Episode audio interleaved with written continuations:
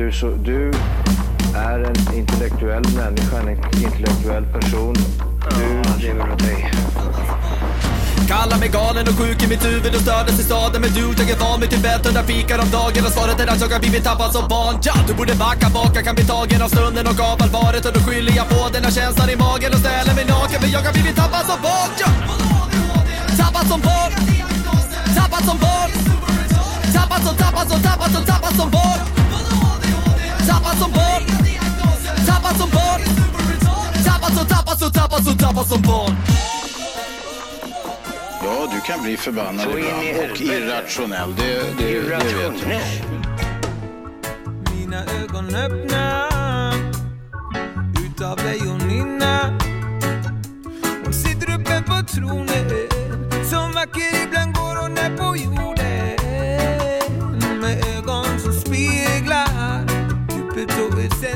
som hon delar. Närvaron som väcker liv och helar. Och jag respekterar. Kontemplerar över allt det som hon representerar. Och hur hon bär livet, ja Låt mig. Aldrig någonsin ta det för givet, nej. Att dessa tider så utmanande. Komplexiteten tjocknar samhället högtravande kärleken hon sänder ut så allomfattande Åh, denna skapelse, yeah Jajamän! Hej och välkomna till Tappad som barn podcast. Din bästa podcast just för dig. Och vi har kommit fram till avsnitt nummer 177 i ordningen. Ah. Så spännande. Och prästen, det är ju bara du och jag här utav ordinarie gänget, som man säger. Liv, han har blivit entledigad. Japp, Han tar hand om familj. jajamän. Men, vi är ju inte ensamma här. Nej, vi har med oss en gäst i studion. Jajamän, vad är det för gäst då? Ah, ja, Det var du inte beredd på. nej. Där. Presentera dig själv för lyssnarna. Det här ska bli så kul. Okej. Jag vet inte. Någon kanske känner igen mig. Jag vet inte. Daniel Rodolfi heter jag. Daniel Rodolfi. Jajamän. Som Och- ni brukar säga. Och, och egentligen, våran, eh, våran historia, eller man ska säga, det är egentligen inom hojsvängen. Som Ja. vi har träffats. Men precis. Eh, och eh, du är ju fotograf, bland annat. Stämmer. Du är mycket, men du är fotograf också. Jag är mycket men inte för mycket. Kanske. Nej, Eller? nej, nej, nej, nej, nej. Nu, nu tolkar du det vidare. Ja, Nej. nej. jag... Jo men det stämmer. Gammal hojåkare. Inte på gatorna men på, i terrängen. Ah. Crossbana och lite skog. Stubbåkrar. Så. Men, eh, Härligt. Välkommen till studion. ja men tack så mycket. Kul att vara här. Och vi fick ju kontakt, var det förra veckan kanske? Typ? Eh, då, då skrev du ett meddelande till mig. Ja, Och, och då hade du börjat lyssna på podden. Och det var Ja. ju intressant. ja men verkligen.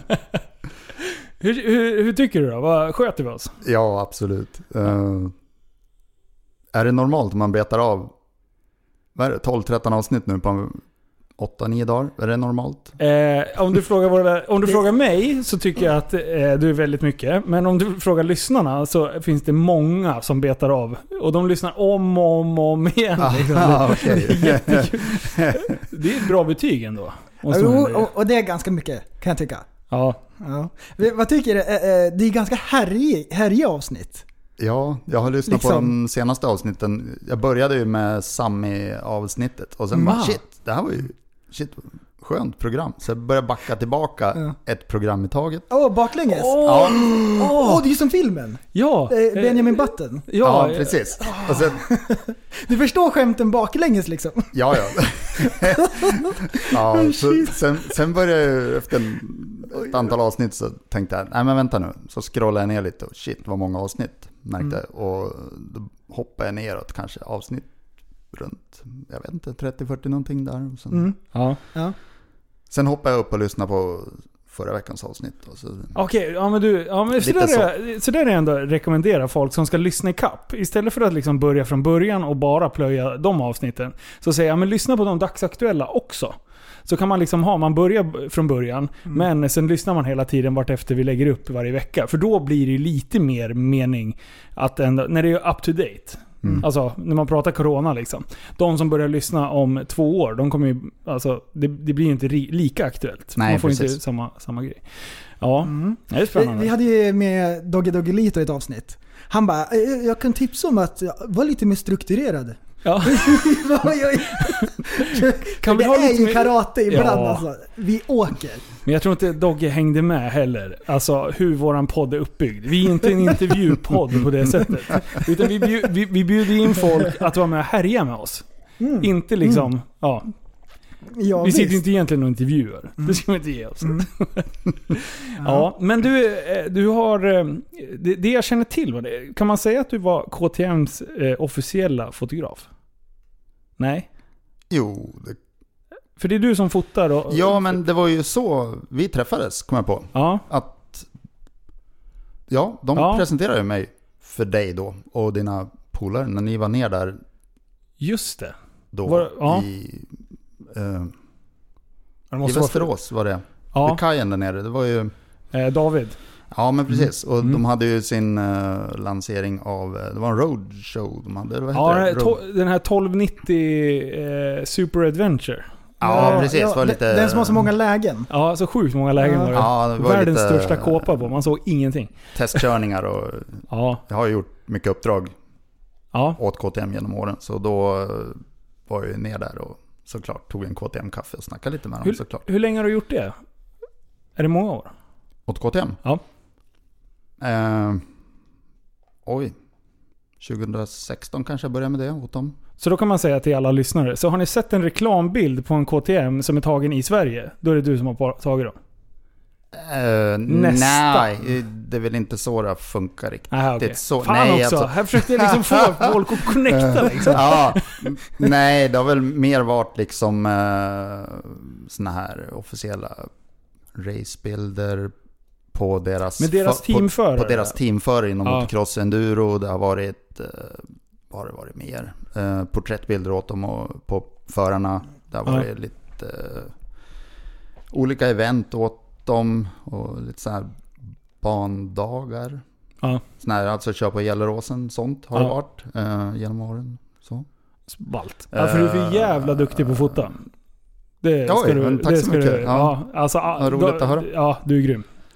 Det jag viktigaste när man knäpper kort, det är ju att man har kul. Knäppekort. Men det är också bra, men det är också bra när man knäpper kort, att man är duktig. För, och det, Ja. det förefaller ju som att du är en riktig fena på det här. Ja. Ja, det gör det. Ja. Ah, Eh, hur känns det när, när folk du. säger att, man, att en fotograf knäpper kort? ja, det är alltså... Ja, då blir man ju så här, Sällskapsresan har ni väl sett, Snowroller. Ja. Ja, då bara, ja. Den här fotografen där, Felix, Ja. som åker typ Ja! jeep. Vilket jag också gör, åker jeep. Men Åh. han har ju snowboard och allting bakpå där. Han är så sjukt cool. och sen kommer de här eh, norrlänningarna då. Ja. Jag kommer inte ihåg vad de heter, men Hedlund. Ja, Hedlund. Har du något snus? Då bara, ja, och så knäpper du kortet där då. Bilden, säger han. Ja, just det! Ja, just det. Jätteviktigt för honom. Men eh, Och, och så är jag med, känner jag. Jag står inte och tillrättavisar folk liksom att du, det heter bilden liksom. Eller Ja, sådär att jag mm. tar bilder. men- utan knäpper kort, jag, jag, jag står inte och tillrättavisar folk. Men det, det, blir ju så här lite, ja, uttryck. Sen beror det- det sen beror det på- låter så bra. Det låter så festligt. Jag Och det jag jag, tror att det kommer ifrån, det är de här gamla, när man så här skruvade tillbaks filmen och så då Ja. knäpper det. Ja. Och så skruvar man tillbaks Ja, den. det knäpper kort. Men ja. alltså Ja. kommer en äldre person och säger till mig, kan du knäppa några kort? Det, alltså såklart. Det, jag står inte och, nej, men jag, står, jag står inte och Men du- skrattar åt det liksom. Utan det, det är ju... Det Men att du, att du sa så nu, jag vet, jag vet inte.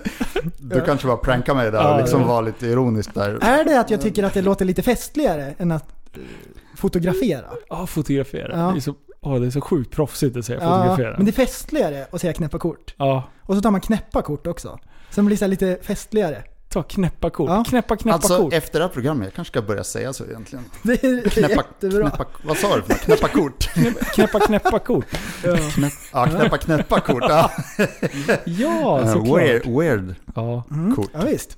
Men du, är- du är eh, en, en actionfigur tänkte jag säga. Det lät ju jättekonstigt. Ja, ja jag såg Okej. framför mig nu alla de här smurfarna liksom. Så finns actionsmurfen där liksom. Ja, Nej, men, Batman, man kan bara vrida armarna upp eller ner liksom. Ja, okej. Fortsätt. Bra Linus. Härligt. Actionfigur. Ja. Men du gillar action? Ja, du är en Ja, actionfilur. Ja, men jag älskar ju action. Jag har ju hållit på med det förut. Ja. Eh, Så. Det har varit mycket action. Mycket aktion. Jo men Du är en fena på action. Ja, det är. Ja, mycket, mycket. Ah, Men vad, vad är, det, är det hojar som har dominerat det mesta liksom? Från, ja, Från det är väl barnsben. som... Man är väl inte helt olik många andra i tonårsgrabbar. Eller, jag var väl 11 när jag fick första hojen så. En eh, Honda 80 kubik fyrtakt. Ja, nice. En 81 års modell. Farsan Oj. lastade ut den ur bagageluckan på en 740 liksom. Åh! Då var man Du hör ju själv. Ja, det var en tjejkompis till mig. Hon eh, körde. Hon var en av landets bästa blev hon. Åh fan. Eh, då var hon inte det såklart för då var hon 10 bast. Men eh, jag fick följa med i alla fall. Vi kände deras familj och sådär. Och Mm. jag följde med och provköra ute i en grusgrop. Fan det är och kul jag var alltså. så här, wow. Och sen fick jag en exakt likadan hoj. Så vi var ju två som hade identiska hojar där. Ja. Och du Sen- var lite sämre än henne? Ja, faktiskt. Ja. Eller, faktiskt. Förlåt Stina. eh, faktiskt, varför sa jag det? eh, ja. Nej men alltså hon, hon var... Nej men vi har pratat Hon mycket så- femi- hon vi har var- pratat var- feminist och så här. Vi vet ju att om Liv hade varit här då hade han sagt tjejer kör långsammare än män. Det vet ju. Det är sen, det är sen Ja. gammalt. Och nu var det Men alla regler har sina undantag. Ja, det är ju så det fungerar. Ja, nej hon, hon var... Hon var jätteduktig. Ja.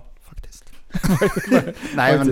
Eh, nej vi, vi åkte ju land och rike runt sen och, vi böt ju upp oss i hojar både hon och jag. Så. Men vi eh, umgicks då familjevis då och åkte runt i Mellansverige mestadels. Och neråt landet, uppåt landet. Mm. Tävlade ju 80 kubik. Och hon, på den tiden fanns det inga tjejklasser så hon körde ju med killklassen Mm. blandat så. Sen, eh, sen var det ju 125 till slut då. Jaha. Inte fick köra 80 kubik. Sen la jag av med det helt enkelt. Börja med, eh, eller jag, jag, jag vet inte, jag blev nog lite rädd tror jag. För det var många som gjorde illa sig väldigt svårt på Det den ju... tiden. Ja. Då, må, flera som blev förlamade och det var, det var allt möjligt liksom då. ja. Så jag äh, tappade intresse helt enkelt. Och sen, jag menar, börjar man bli så här 17, 18, bara jaha. Mm. Mhm. Klarade du dig undan skador när du körde som ung? Ja, ja, det var Ja, det var inga faror så? Nej, något sjukhusbesök sådär och sen ja, lite gips och sånt där. Men det nej, inga större grejer liksom. Nej. Sånt som Ja. egentligen hör till crossåkare då. Ja. Men eh, inget allvarligt. Och sen, eh, men då började jag snöa in på det här, eller snegla in på det här med att det var vackert väder ute och så fick jag syn på en båt. Oh, Jag båtbubblan. Jag Ja, hör så, sålde crossen där när man var 17 och köpte en båt. Så jag blev ju... Va? Vad säger du? Blub, blub. Ja, jag tror det var fel på micken. Nej, vi är bara ute på havet. Ja. Ja, ja, just det. Nej, men jag blev ju en riktig fena på att köra båt sen. Åh! Ja, det vart det. Ja, ja, ja. Ja. Absolut. Sen eh, sålde jag den. Det var ju en gammal häck från 1968. Liksom. Det, jag Ja. åkte vattenskidor med den då. Sen hade, jag vet inte, det kom in massa flagor i förgasaren. Så den började hacka och grejer och skaka sönder alla kablar. Så varannan gång man var ute på sjön så var det ju liksom eh, elfel på den där. Så fick man inte igång den. Så fick man ju paddla in eller få lift av eh, farbror blå in då liksom. Och det var ju Ja. sådär när man stod Mm. i...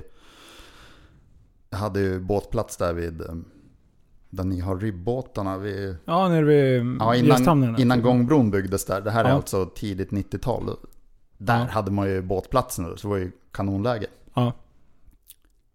Det var ju bara, var ju bara det att det var inte så festligt att komma in var och varannan dag eller helg från Mälaren, kanonväder, alla sitter och äter glass liksom. Kommer man in och, och får lift Och in med... paddla. Det är... Nej men liksom få, få, få lift in med bland annat då polisbåt eller med andra båtar eller. Ja. ro. Eller paddla liksom, sitta i fören och paddla, det var sådär. Så Ja. då, då tröttnade jag på det där. Men jag ville ju inte sluta åka på sjön så fick vi syn på, jag och min far köpte en båt ihop då. En eh, helt spritt ny såg vi på en båtmässa. Ja. Och bara, ja. Vad var det för något? En Sunbird. Sunbird? Det är en Daycruiser. En, Ja. eh, Drygt 20 fot med, vad var det, 140 kusar på den. Det var, alltså mycket på det- den tiden? Ja, den, ja, en utombordare gick 43 knop. Ja, Och det är ju fort på Mälaren liksom. ja. ja. Mm. Sen... och den hade, åh shit vad roligt det var med den. Sen köpte jag loss pappa ur den där, för vi vart ju så här. Han ville ju... Han ville ut och steka och du Han, ville ut och han, ville, han ville väl ut med mamma liksom, eller ville ut med några kompisar sådär. Jaha, men det är bra väder, jag vill ju också ut sådär. Okej, okej. Så det, Mm. nej, men det, nej då, då köpte jag loss honom med det där, för jag hade ju börjat jobba sen och sådär. Så jag köpte loss honom med det där och vi var ute på sjön och jag var ute med kompisar och, och härjade där ute då. Vi, och vi bestämde oss väl lite sådär att vi ska åka allt efter den här båten som går att åka. Ja. Åh, vad kul! Grejer som Man ingen har åkt naturligtvis efter en ska- nej. båt. Lite så. Vad körde ni för grejer då? Eh, jag hade en gammal bokhylla som jag, jag köpte i bindningar då. Ja. ja, jag såg blicken. Nej, inte så. Hyllplanen tog jag. Ja. Såga till och Ah. sprayade dem lite snygga. ja. Så här, och gjorde trickskidor av det. Oh, what do you know? Alltså, skru, skruvade fast då såna här eh, bindningar som man har då, på vattenskidor. Ja. Like you do. Eh, och Björnesunder var ju en klassiker där det är fem knop då. ja. Eh, ska man inte hålla på och köra sånt. Nej, det då, har vi men, aldrig gjort heller. Nej, precis. Eller vänta nu, har jag gjort det? Nej, nej, det var något absolut. sånt någonstans det i var stan. flygfält. I alla fall.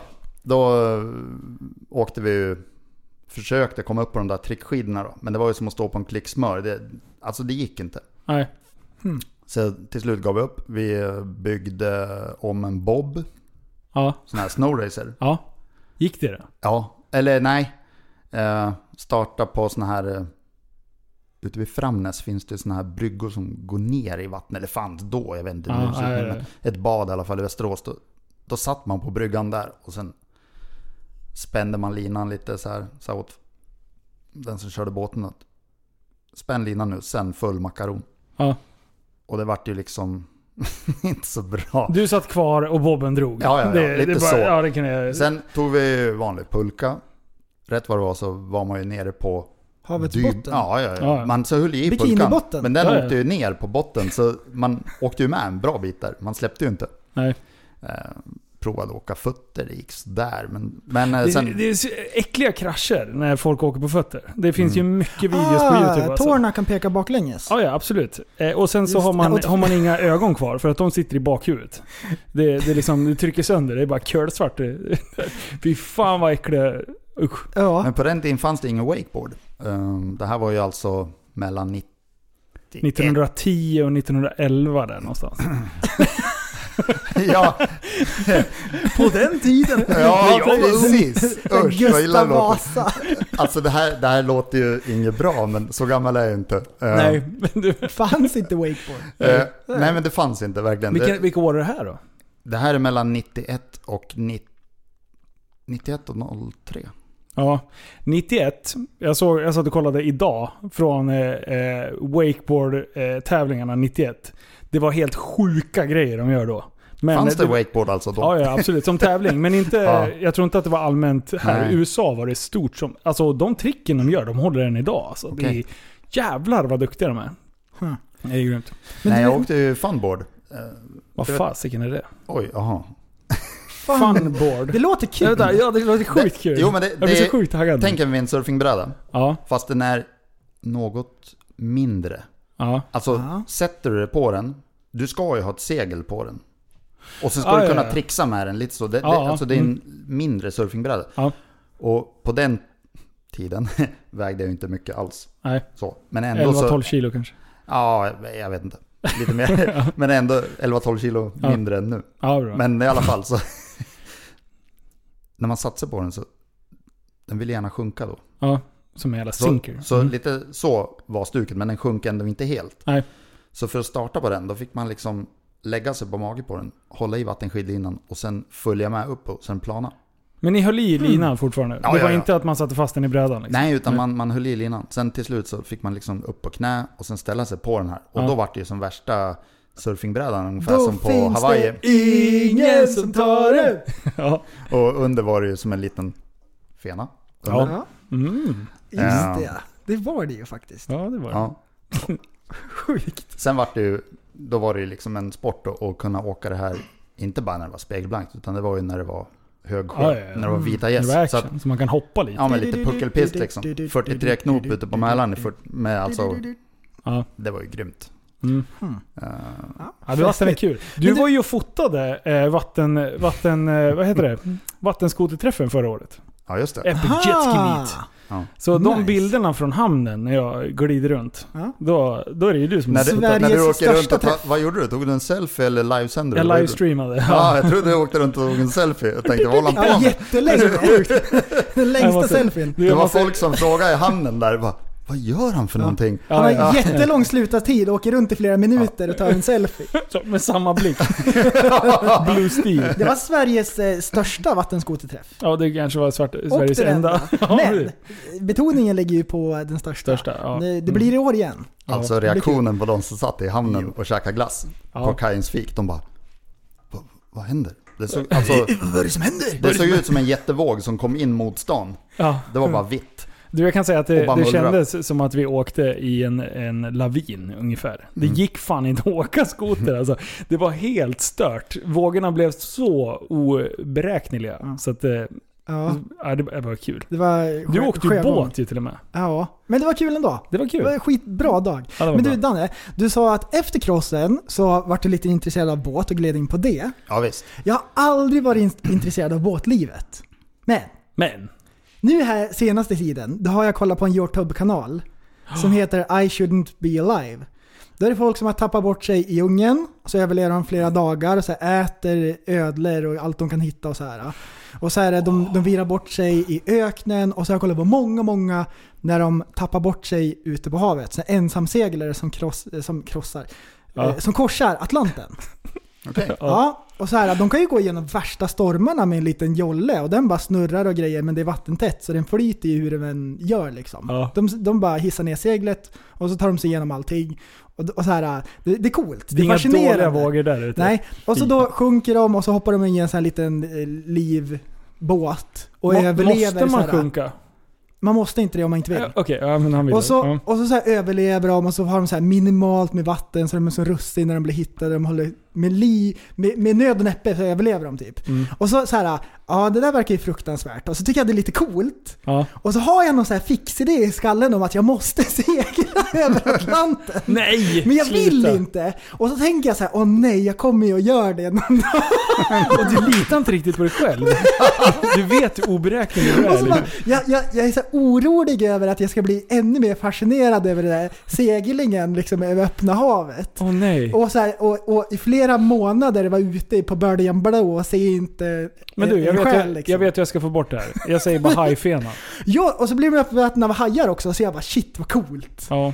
Och överleva ute på havet. Men fatta att sitta i den, där, i den här gummibåten, för det var ju det han hade gjort, eller hur?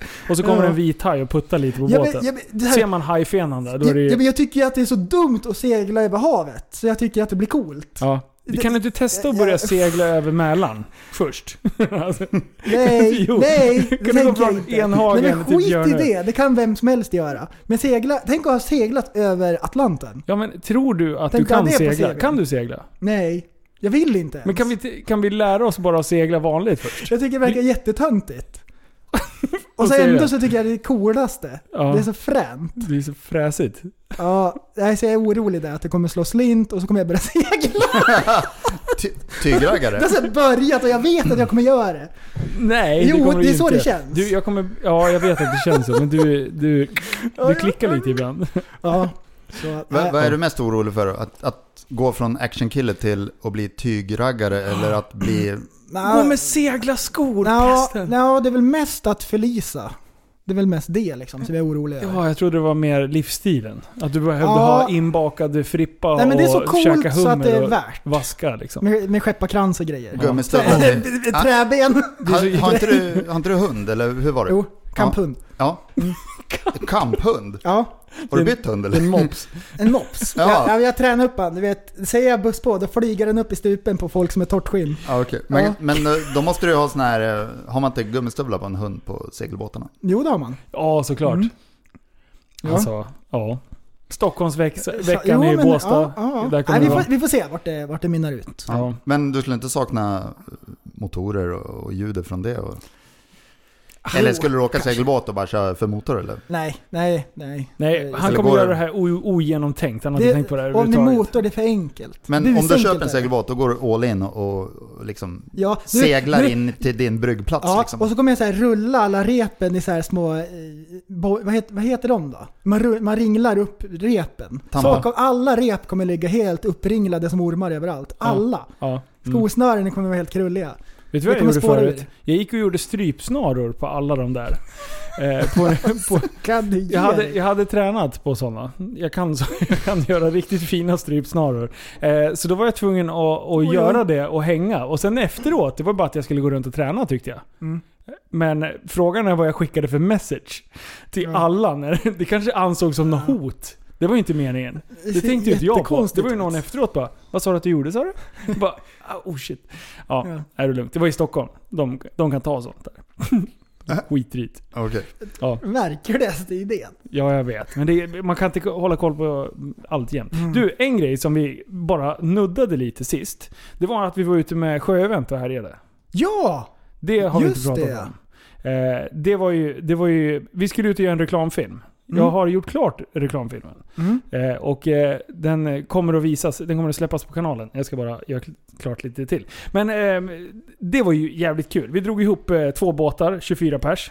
Brr, drog. Och sen så skulle vi göra som ett, eh, som ett fake-event egentligen. Eh, och de har ju massa så här bumperballs och, och, och prylar. Så det var ju massa aktiviteter där ute. Mm. Eh, jag vet att vi nämnde någonting om det. Om men, luftgeväret tror jag att vi berättade om Nole var här. Ja, just det. Ja. Eh, Alltså det var ju, jag har ju sett videon nu. mm. Jag tog ju inte med det såklart i reklamfilmen. Nej, nej, det... det- ser ju lite halvdåligt ut. Prästen står med en, en liten tavla så här. Och sen så säger han skjut då. Säger han till, till en polare. Så, ah, jag trodde det där skulle gå åt Men, helvete. ja, men det, det gick ju bra. Det gick så ju bra. Ja. Men det coola var att åka ribbåt. Visst är det Vad kraft i häftigt de det där? var. Ja. Alltså de är, de är gjorda, eh, de är godkända för fyra, eh, 50 knop i, 55 knop i 4 meters sjö. Det är fan, det är det de är typade för. Och sen 12, 12 passagerare, två förare. Så det är ändå 14 pers på den där jävla båtjäveln. Eh, och det, alltså det, de är magiska de där båtarna. Shit vad de går alltså. Du vet, när man var liten och när man hade varit och handlat på Ica och så på vägen ut så fick man sätta sig på en sån här häst och stoppa in guldpeng. Och så här spelar en musik och så guppar man fram. Ja. En sån är det som man sitter på typ. Så man sitter på en häst och så är det handtag. Så man kan knipa ihop med knäna också. Ja. Och den svänger ju på en femöring. Ja. Och det är så här... äh, Det är häftigt. Och den lutar ju något fruktansvärt. Så det känns som att den ska få skär och så här börja rulla. ja. Det är jättehäftigt. Det är en så märklig upplevelse. Och de är ju så här, på något det, sätt. det är ju attackskrov. Alltså de är så, de är, det är hög vinkel på skroven. Så du kan ju sätta den där jäveln. Så den skär ju i vatten, vattnet som Ja. satan. Så du kan ju verkligen vända så att folk flyger av. Jag åkte man- med den här eh, stridsbåt 90 i förra sommaren. Ja, ah, det är coolt. Jag och min son åkte med den ute i skärgården. Ja. Drog de karatestoppet eller? Ja, Man sitter Alltså, man- som ett frimärke i fören när de, när de bromsar med den där. ja grejen var, vi, vi satt ju där bak och bara njöt av fina vädret. Och sen hade vi åkt i två minuter kanske. Ja. Och han möljade på full makaron. Och sen utan förvarning så bara bromsade han in ganska tvärt. ja. Så vi bara shit, skön inbromsning. Alltså de går Så, ju se, så ser man de som sitter mitt emot oss då med ansiktena mot oss. De Ja. åker alltså med ryggen. Mm. De ser ju bakåt bara. De Ja. bara ser ju den här vågen kommer över båten. ah, ja. Och vi ja. satt ju liksom på första parkett och glassade på det här baksätet då. Ah, härligt. Ja, så kommer vågen över oss. så man, vi var ju dyngsura resten av dagen då. Ja. Alltså blöta. det där, de, Ja, ni var inte sura på... nej, Fan. nej, nej, nej, Nej. nej. Och så dum i huvudet resten. nej men det, grejen var att... Då, Dricka lite vatten.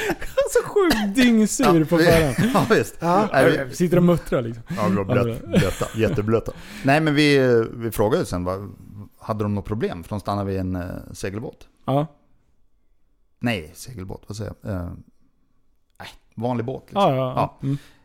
Nej, nej, inte han. Eh, vi skulle bara köpa lite fisk av dem, för de hade fiskat. De Ja, hade ju beställt, Ah, lagt in beställning. Ja, Det är Så de man hämtade, gör. de hämtade upp en kasse med fisk och sen åkte de vidare och där satt ju vi sjöblöta då. Men det, Ja, det var ju liksom, det var helt okej. Men det var ju coola 90 graders svängar där och sen Ja, det är, de när är han drog på, Alltså. alltså vattnet var ju, stod ju som en fena efter den där. ja. Det är ju jetbåtar. Linus, hur fort går de? 40 knop. 40 knop. Ja, 40 Men knop. Och, den- då, och då, då så stannar de alltså på, jag tror att det är en och en halv eller två gånger sin egen båtlängd. Stannar de från, Oj. från fullt till max. Mm. Ja, då hör man däckskriken typ. Och det, just när det, är, när det är jet, då skickar du bara ner som en skopa. Så att du, du ändrar ju bara jeten Mm. så att den går fullt framåt istället. Det var Alltså, ju, det, var ju ja. det här som Vasaskeppet gjorde fast i sidled. Ja, Så den, då, Ja, ja. den tippar ju då. just det. Just det, de hade ställt jeten för, för Mm. ja, på Vasaskeppet. Ja, det var därför den, den, den sjönk. sjönk ju. Ja. Men du, har ni sett den där stridsbåt 90 som eh, åker i en kanal och eh, ska göra en sån här liten karate-move? Problemet är när du gör en sån där så sticker den båten alltid i sidled åt något håll. Det är väldigt sällan man liksom hinner parera så att den blir rakt. Så den där jäveln åkte ju upp på land. Så, den, så det finns ju bilder på när skiten ligger på en cykelbana på sidan. Den har liksom åkt upp Oj, oj, oj, oj, och det där var ju under en båtuppvisning, så att det var ju tur. Det var ingen som blev skadad. Men eh, de bilderna är ju ganska hysteriskt roliga. Det Vadå? var någon som knäppte kort, kan man säga. Ja, var det här på, på Göta kanal eller vadå? Eh, Jag vet faktiskt inte vart För att det är. det, den går ju på Göta kanal. Gjorde i alla fall förra året. Turer Mm. kan man åka med. Ja, vi ska se här. Mm. Eh, eh, ja, nej men precis. Den, den, den, den ligger i alla fall. Jag ska, vi lägger upp den bilden i, eh, i gruppen, Facebookgruppen, under avsnittet. Ah, bästa. Ja. Mm.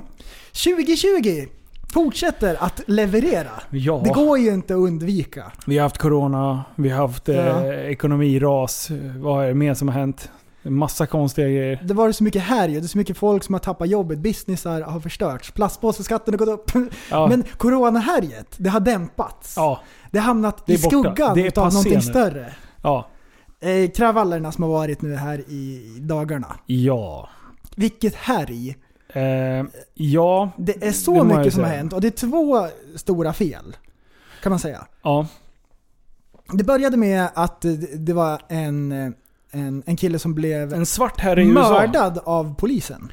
Han var ju mördad rakt av. Eh, ja, och de står och filmar när han i stort sett blir det. Mm. Det är eh, George Floyd, heter han. Mm. Eh, hade handlat i en butik med en eh, 20 dollars sedel som visade sig vara falsk. Eh, om han visste det eller inte, det har väl inte... Jag tror inte att han visste om det. För att han var väldigt frågande. Eh, och sen så ringde butiksägaren dit polisen. De kommer och hur många poliser var det? Fyra. Fyra. Eh, fyra poliser varav eh, man vet inte riktigt varför han blir nedlagd till slut. För att det ser inte ut som att han... Han frågar ju vad fan det är som har hänt liksom. Ja. Eh, han är helt oförstående. Så det är klart att han vill ju veta vad Han, som har har hänt liksom. han har gjort ett icke-våldsamt brott. Ja. Och han har inte eh, stretat emot eller betett sig hotfullt. Liksom. Nej. Och han blir nedlagd på marken. Yes. Och så lägger polisen knät över hans nacke. I Ja. nio minuter. Och jag vet inte hur många gånger han säger att han inte får luft. I can't breathe. Och sen... Eh, eh, så till slut så börjar han ju typ kväsa ut typ... Eh, han ber till Gud och sen säger han... Typ, pratar han snälla mamma hjälp mig liksom. Alltså han är eh, helt knäckt.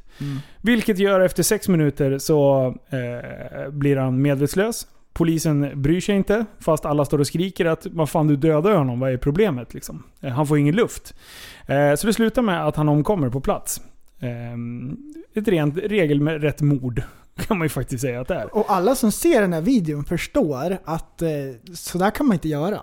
Det där är sjukt. Man kan inte lägga knä... Han, är, han, är, han, är, han har handbojor också. Ja. Så han är kilovad. Han kan inte liksom göra någonting. Han är inget hot. De är tre poliser som kollar på och så är den här Ja. killen uppe på han. Det är helt vansinnigt. Så man kan ju förstå vreden som blir. Det egentligen, egentligen varför vreden ble, tog, så här, tog fart ordentligt, det var ju att, att eh, de blev... Eh, vad heter det? De, poliserna, de, de blev bara... Vad säger man? När de blir avstängda? Tack. Eh, De vart sparkade från jobbet. De blev avstängda först och ingenting hände egentligen. ja, Men sen okej. när det, folk började bli arga, då fick, de, då fick de gå från jobbet. De blev av med jobbet. Men det var väl fortfarande inte snack om att de skulle bli eh, åtalade för någonting. Nej, inte där- till en början. Nej, och det var ju där det spårade ur ganska duktigt. Ja, och nu är han, han huvudpersonen anhållen för mord. Ja, precis. Polismannen med knät. Eh, men eh, så, så jag, kan, jag kan förstå, eh, det blir liksom polisbrutalitet. Det är det hela ämnet handlar om. Eh, och George Floyd blev ju någon sorts... Det här är ju en utav en serie händelser egentligen som har hänt under USA. Eh, under, i, under en tid i USA. Bland annat var det ju en kvinna med hund som... Eh, eh, en svart man som säger till henne att eh, du måste koppla din hund. För det här var i, i Central Park i New York. Och hon vägrar. Så när hon ringer polisen sen, då säger hon “There's a black man eh, threatening me”, bla bla bla. Eh, och, och han, han står och filmar hela den här grejen. Så det var egentligen en av de här startskotten som blev, och det här var tidigare i år. Eh, och där var det så tydligt att den här kvinnan eh, poängterade att han var svart och att eh, han var ett hot. Liksom. Fast han har inte gjort någonting. Han har sagt att det, du får inte ha hunden lös här. Koppla bara hunden. Det är det enda han sa till henne. För att hunden sprang runt som en dåre. Liksom. Eh, så det är flera grejer. Det måste man ändå ha i bakhuvudet också innan. För att kunna förs- eh, förklara varför den här vreden har blivit så extremt stor. Ja, och sen underliggande har vi, vi, vi kommer precis utifrån, eller mitt under coronakrisen. Det är jättemycket folk som har tappat sina jobb, folk har haft, eh, eh, det har varit lockdown i städer så folk har varit, varit tvungna att vara hemma i Ja. USA. Eh, Så folk har varit hemma, frustrerade, uttråkade Ja. och, och, och så vidare. Inget försvar, men en förklaring till det som har hänt. För det, det, självklart så blev det ju eh, demonstrationer kring det här. Eh, och sen är det Black Lives Matter som har dragit igång. Ja, och Eh. allt det är bra. Ja, demonstrationerna, superbra. Att man liksom belyser sådana här grejer. Att de måste kunna få lite koll på polismyndigheten i USA, känns det som. ja, Att det händer sådana här grejer lite titt som tätt, det är inte okej. nej. Ja. Men sen eh, i bakvattnet utav det här då, så har det ju spårat ur Ja, ganska och här har vi fel nummer två. Ja, Två fel gör ju inte ett rätt liksom. Då är det ju folk som... eh, Och det, den, den vreden som blev mot poliserna var ju helt absurd. Mm. Eh, det finns rötägg inom polisen, absolut. Och det finns en ty- tystnadskultur, absolut. Den behöver man slå hål på.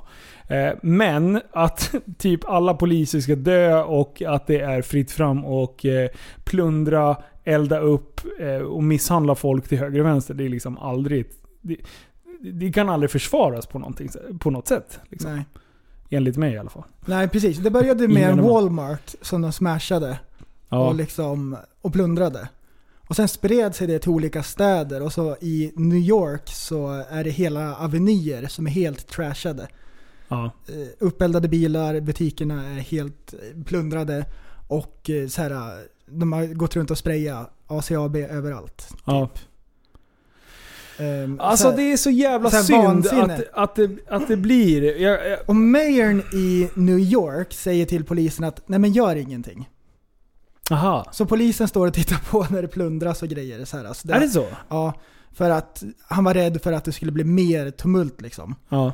Ehm, och, och äh, det är så mycket Alltså folk har det här. betett sig så jävla illa Till slut det så här, handlar liksom. det inte om George Floyd längre. Utan det är så här. Jag kan tänka mig att mycket ungdomar som är med där. Ah, gratis sneakers. Ja, Bara snor. ja. Eh, och ser sig tillfälle. Alltså det är det som är så farligt med människor som inte har så mycket att förlora. Mm. Eller ingenting att förlora. Det är ju en av de största riskerna i samhället skulle jag säga. Handen på hjärtat prästen. Om du och jag, vi skulle bo i USA. Vi skulle inte ha någonting att eh, att förlora. Vi skulle liksom va- vara triggade av en ilska och en vrede. Ja, och så är man 18 så man inte har något begrepp. Precis. Mm. Och sen börjar det springa folk som börjar kasta sönder glasrutor och börjar sno grejer och så här. Jag, jag skulle vilja säga, nej men det skulle jag aldrig kunna göra. Ja, men jag, jag vill säga det. vilken människa som helst kan du trigga till eh, att göra saker. Oavsett. Liksom, det, man vet fortfarande gott, gott och ont. Mm. Men jag tror ändå att alla som säger så här, ah, men det där är skit, de är dumma i huvudet. Man gör det lite för lätt för sig. Mm. Att göra det. Sen att liksom begå de här extrema våldshandlingarna när, när man går, tar till våld mot en annan person eller sånt där. Det är aldrig okej. Mm. Men att vi skulle gå in och, och typ eh, råna eller plundra Target. Det skulle vi absolut kunna göra. Jag kan inte ens sätta mig in i den situationen, eh, alltså ens leka med tanken. Men jag tänker aldrig säga att nej, det där skulle jag aldrig kunna göra. För det vet jag inte egentligen. Utan med, med rätt medel Man vill ju tro det Ja. i alla fall. Men jag, jag vet att när jag var 18, då Ja. hade jag hängt på de där strapatserna. Jag höll ju på med sånt även fast det inte var liksom allmänt upplopp. Liksom. Så att, ehm, då var jag faktiskt en fena på, på sånt där. Ah, ja, ja. Tyvärr. Liksom. Ja. Men eh, det, har, det har i alla fall ballat ur och jag kan ju... Alltså en irritation som har varit egentligen från eh, fyra år tillbaka när eh, Trump blev president. Vi pratade ju om hon eh, kvinnan som går ner på knä och skriker. Ja, Trump lady. Trump lady. Ja. Eh, ungefär den reaktionen har det ju varit i fyra år. Och, och den frustrationen har det ju varit på de som inte eh, är på Trumps sida. Och han är Ja. ju, alltså, han må vara duktig på mycket. Men han är ju en idiot när det gäller att behandla andra människor. Och att eh, han är ju väldigt explosiv och eh, impulsiv. Både när det gäller Som- tw- Twitter Som och... du sa, svenska Bert Karlsson. Ja, men lite så. Alltså, jag vill det ändå är som så här, att Bert Karlsson skulle bli statsminister. Det hade ju... ja, nu, nu, Det hade varit härj. Nu har jag träffat Bert Karlsson Ja. och han är en asskön person. Men jag skulle inte ha han som, eh, som, som ledare i ett land.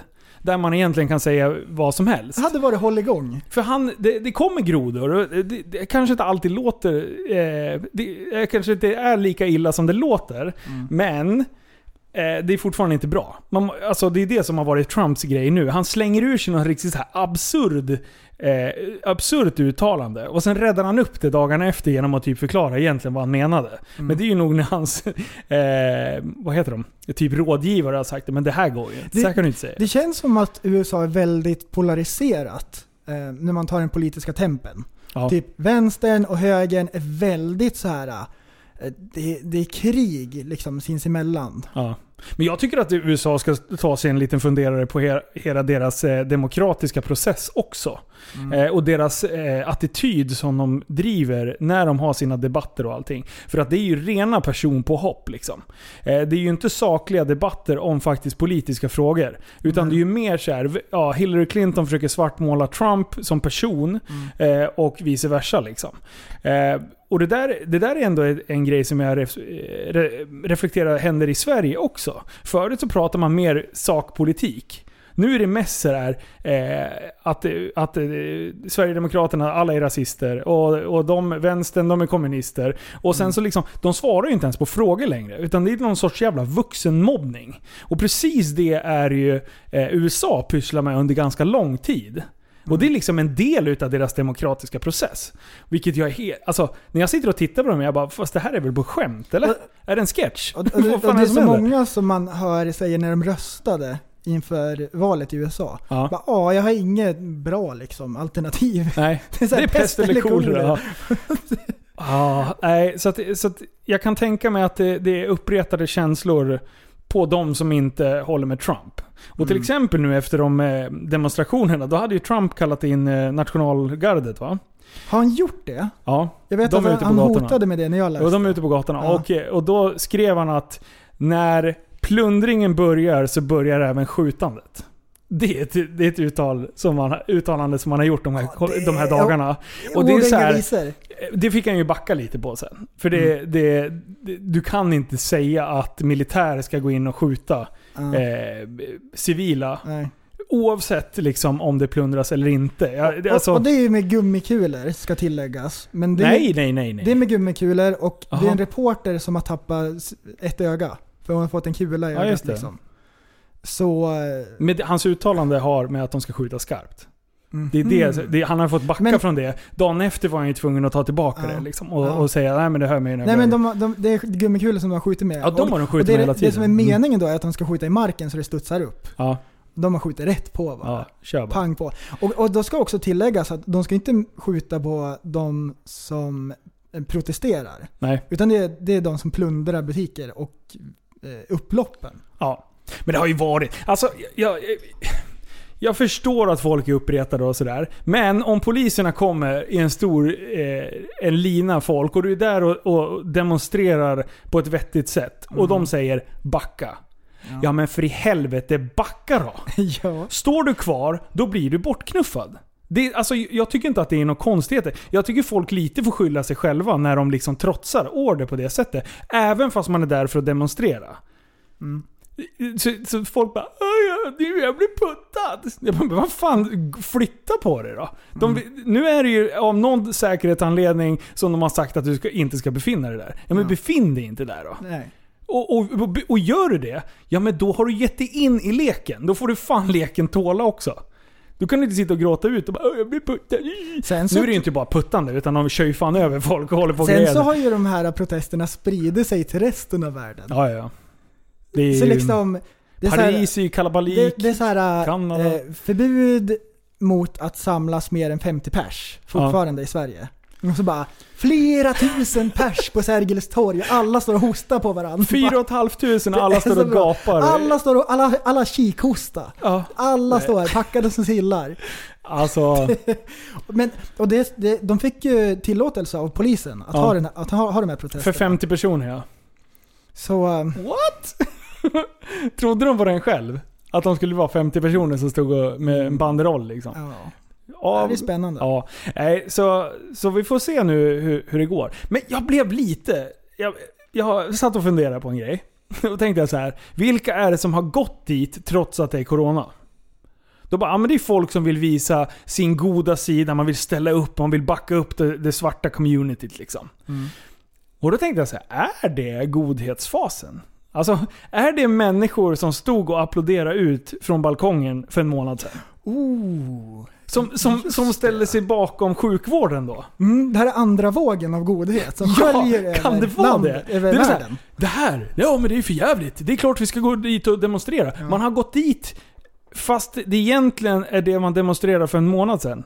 Jag, jag tror att det är lite samma människotyp Ja. som är. Det är goda människor liksom. Är, det, är det här ett unikt tillfälle där 1 plus 1 blir 0? Där godhet versus godhet, två goda gärningar, tar ut varann och blir skitdåligt. Det, det verkar vara en hårfin linje mellan godhet här då och plundring. Det ballar lätt ur kanske. Nej, det var inte så jag menar. Jag tänkte bara att de som står och applåderar. Jag tror att det är samma. Mm. Det tror jag. Ja. Och det är jättebra. Undrar om de nästa månad kommer på att, när det blir en, en chock för sjukvården med att vi har liksom, vi har skippat. Jag tror att när man ser att det står 4 500 pers och gapar, i, och då tänker normal-Svensson bara, tänk dig alla som ska ta studenten. De, de har liksom så här, deras, de har pluggat och de ska äntligen få ta studenten. Och så bara, det blir inget studentfirande, Ja. ni får inte vara mer än 50 pers. Ja. Två dagar innan studenten, för det är väl studenten imorgon, eller för er som lyssnar, idag. Ja. Då befinner det sig 4 500 pers på torget. Hade inte de kunnat fått fira studenten då egentligen liksom? Det måste ju bli irritation. Alltså, jag, om, man ska säga någonting positivt nu då. Så Ja. hoppas jag att summan av det här blir att, eh, för polisen i USA, att Ja. de tar tag i det. ja, de har Att- ett problem. Och oavsett liksom hur mycket melanin man har i huden, så ingen ska behöva liksom dödas av en polis. Nej. Rakt upp och ner. Eh, speciellt inte någon som inte är våldsam. nej. Så, eh, ja. Och, och är du våldsam och skjuter mot polisen, Då kan de skjuta tillbaks. Precis, Det ja, newsflash. Det kan hända. Det, det. Och sen så, och jag vill bara flika in här. För det har varit mycket diskussioner, Black Lives Matter eller All Lives Matter. Oavsett hudfärg, utseende överhuvudtaget. Så alla, alla liv är ju lika mycket värda. Ja. Eh, och, och speciellt det, att det inte har lyfts mot asiat, eh, eh, asiater eh, nu för tiden. Alltså i coronatider. De har fått stå ut med jävligt mycket skit. eh, eh, under pandemins start. Så att det finns All Lives Matter. Ja, ja, jag tycker det är en bra hashtag det också. Men det, det blir lite debatt på Facebook. För nu är, det, nu är det Black Lives Matter. Nu är det de svarta vi backar upp. Men jag tycker inte att man behöver backa upp det ena eller andra. Man kan backa upp allt. Mm. Typ så. Ska vi lämna det ämnet? Ja. Vi får se vart det tar vägen. Jag hoppas att det lugnar sig. Ja. För att, och jag eh, hoppas att det blir någonting bra utav det. Att det leder till någonting. och jag lider med alla butiksägare där borta. Ja. Som har fått Ja. sina, sina eh, livsverk eh, uppbrända och grejer. För det är inte bara att man har gått på de stora kedjorna, utan Nej. man har gått på allt. Idag är det städdag i USA. Liksom, De man ser bilderna när de går runt och städar och bara skifflar upp massor med glas. Bara, det är Ja, det är så sjukt. bedrövligt. Och graffiti överallt. Eller graffiti, det bara taggas eh, gris, gris, svin och prylar. Ja, Ja. Alltså, så kan det vara. Förlåt eh, Daniel. Vi var tvungna att bränna igenom det här tror jag. Ja, Har du hängt med? Du hade inte hängt med alls på det här va? Nej! Och, det låter ju som att jag bor i en hydda ute i skogen och inte Du har lyssnat på TSB. Vi förstår. Ja. Alla förstår. Precis, jag hade inte tid med något annat. Det är därför vi Nej. måste ta upp sånt här. Så att folk som bara sitter och lyssnar på TSB, de får lite news också. ja. Nej, det, alltså Fake fakta. jag fick ju... Eller jag fick ju reda på lite fakta om allt det här som har hänt i USA. Det fick jag veta lite igår på jobbet. Ja. På fikarasten liksom. Då bara, du, eller förresten, vad, vad är det som händer? Jag ser, Ja. på, Det blev briefad. jag ser lite i mitt flöde här, saker och ting som Ja. händer. ja. Det var sjukt. Jag har inte Alltså- hängt med någonting. För, alltså, det är inte så att jag inte har varit på nätet, men jag, alltså, jag, jag har haft full, fotogra- eller full eh, fokus på, eh, utöver jobbet, så mitt ordinarie jobb, så har jag haft full fokus på en fotografering jag skulle göra i helgen som var. Ja. Och, Just det, eh, du fotar ju bröllop och grejer. Ja, i helgen. Precis, var det ett bröllop jag fotograferade. Ah. Så att det var ett eh, mycket trevligt. Det där har jag en fråga kring. Ja, Det, fin- det, det, är, en, det är en mycket känslig dag. Vi säger att, att om man är dittagen som bröllopsfotograf då i ditt fall, eller Mm. typ jag har tänkt på att vara bröllopsfilmare. Men så, här, tänk dig att fucka upp en, en, en, ett så magisk, en magisk dag för ett par. Ja. Vi säger att det var så här, du skulle typ råka bryta av minneskortet eller tappa bort det. Eller så här. Eller att på alla bilder så, så blinkar bruden med ett öga. Man ser skev ut. Precis just Ja. då. Photoshoppar man till ett öppet öga då? Tror du det? Ja, ja. Och sen så bara, men hon ser ju ut så här. hon har ju förlamat ögat. Vad Oj, oj, lugn! Nej! Kan du ta det lugnt? Jag fixar till frugan åt dig. Oj, oj, oj, oj, oj, oj, oj. Okej, jag kan... Vad du, kör. Jag fixar till näsan också. Det var så sjukt snyggt. Nej förlåt. Oj, Då finns det ju lite knep va. Det är ju så här att eh, förberedelser är ju liksom lite A och O. Ah. Framförallt en, Vi vet inte vad det är, du får förklara. Okej. en fotografering överlag så, så för mig är det mycket förberedelser. Men framförallt för ett bröllop, det är jättemycket förberedelser. Mm. För att inte prata om jobbet efteråt. Eh, ja fy fan. Så är det. Och alltså, ingenting får ju gå fel. Nej. Sen är det väldigt mycket spontana grejer som händer också. Det får inte vara för uppstyrt Nej, nej, så, för nej. då blir det bara stelt vid en fotografering. Men eh, du pratar om minneskort, att det kan gå av. Ja, det är klart det kan hända. All- Det är elektronik, allt kan ju gå sönder. Ja, Eh, jag har ju backup med mig vad gäller Mm. allt. ja. Kamerahus, jag kan inte komma dit med ett kamerahus. Det kan ju...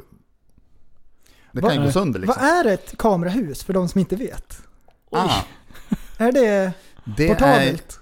ja, eh, kam, om man pratar systemkamera då.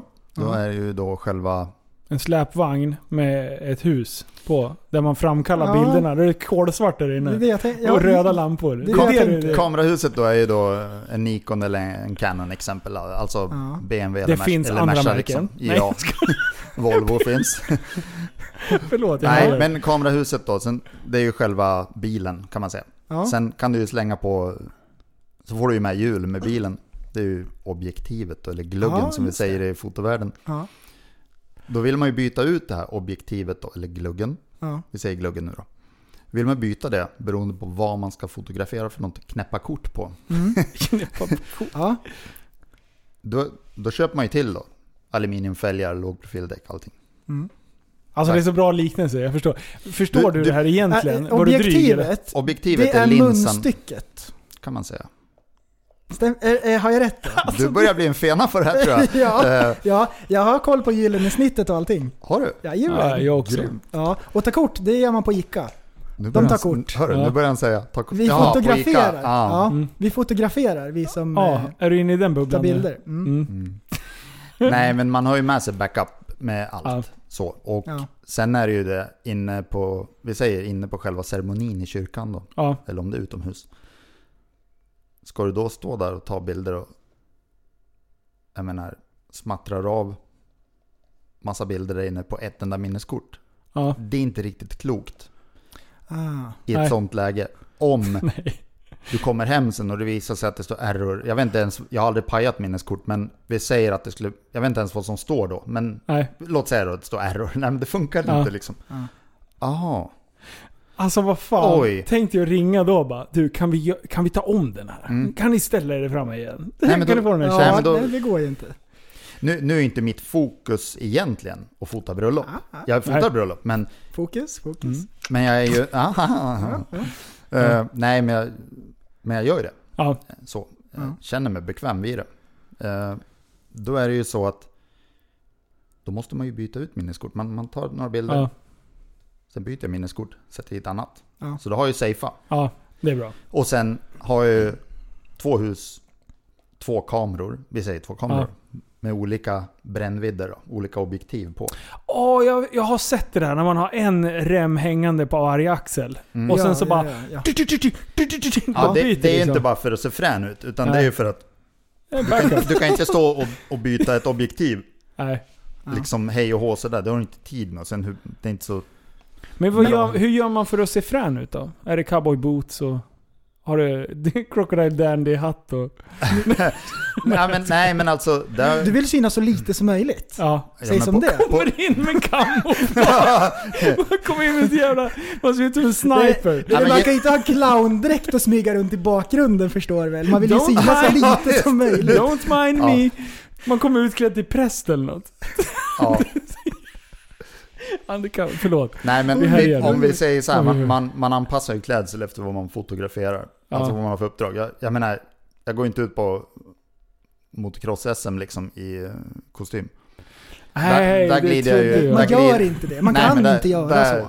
Där har jag ju mitt sp- specialställ. Ja. Sen, ja, sen går jag ut på ett bröllop, jag menar, Finkläder är att rekommendera. ja men jag, jag, frå, jag brukar ju fråga liksom vad det är för klädsel som gäller för gästerna. Är det Jokern eller GB-gubben? Ja, men är, är, det, är det frack som gäller ett sånt bröllop, då, då går ju inte så dit. jättehög hatt.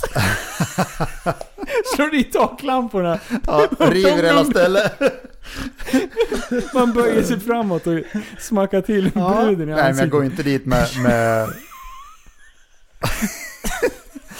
ja. Jag har så mycket roliga bilder. Jag önskar att ni kunde få vara i mitt huvud nu. Åh, det är så mycket action. Alltså den här Förlåt. hatten, den är två meter i mitt huvud. ja! Och när man böjer sig ner och ska bara se frän ut och byta axel, då bara... Och slår den. Ja, förlåt. Oh, Nej men Ja. du får ju anpassa klädseln liksom. Är du på ett bröllop där det, där det är frack som gäller, då kommer du ju inte dit med, med jeans och, och Nej. Eh, vad heter det, klubbläser, eller Sunt kava, vanlig kavaj liksom. ja. Tröja. bläs. Men eh, är det ett lite mer ledigt bröllop, då går du ju dit med anpassade kläder. Då ser man väl, man ska, man ska vara diskret liksom. Det är inte jag som ska synas Alltså, den där dagen. Prästen kan du vara seriös? Jag du är alltid så nu. avundsjuk på fotografen på bröllop. Jag vill också så här springa runt och så här klänga omkring. Och så här, men det, jag myror i brallorna och fotografen får bara så här parkour, parkour. Så här rulla runt och håller på. Och du måste Springer. sitta still i Jag skulle bänken. också vilja ha Ja. samma så här tillstånd, att alla bara "Ja, men det, det är Jimmy, så här. Låt, han, låt han vara. Ja. Och jag så här springer runt så här. Han så här studsar bollar och håller på. Ja. Nej men nu, nu var ju det här ett, eh, vad ska, ska man kalla det? Coronasäkrat bröllop, kan man säga det? Ja. Ja, Alltså, det var ingen...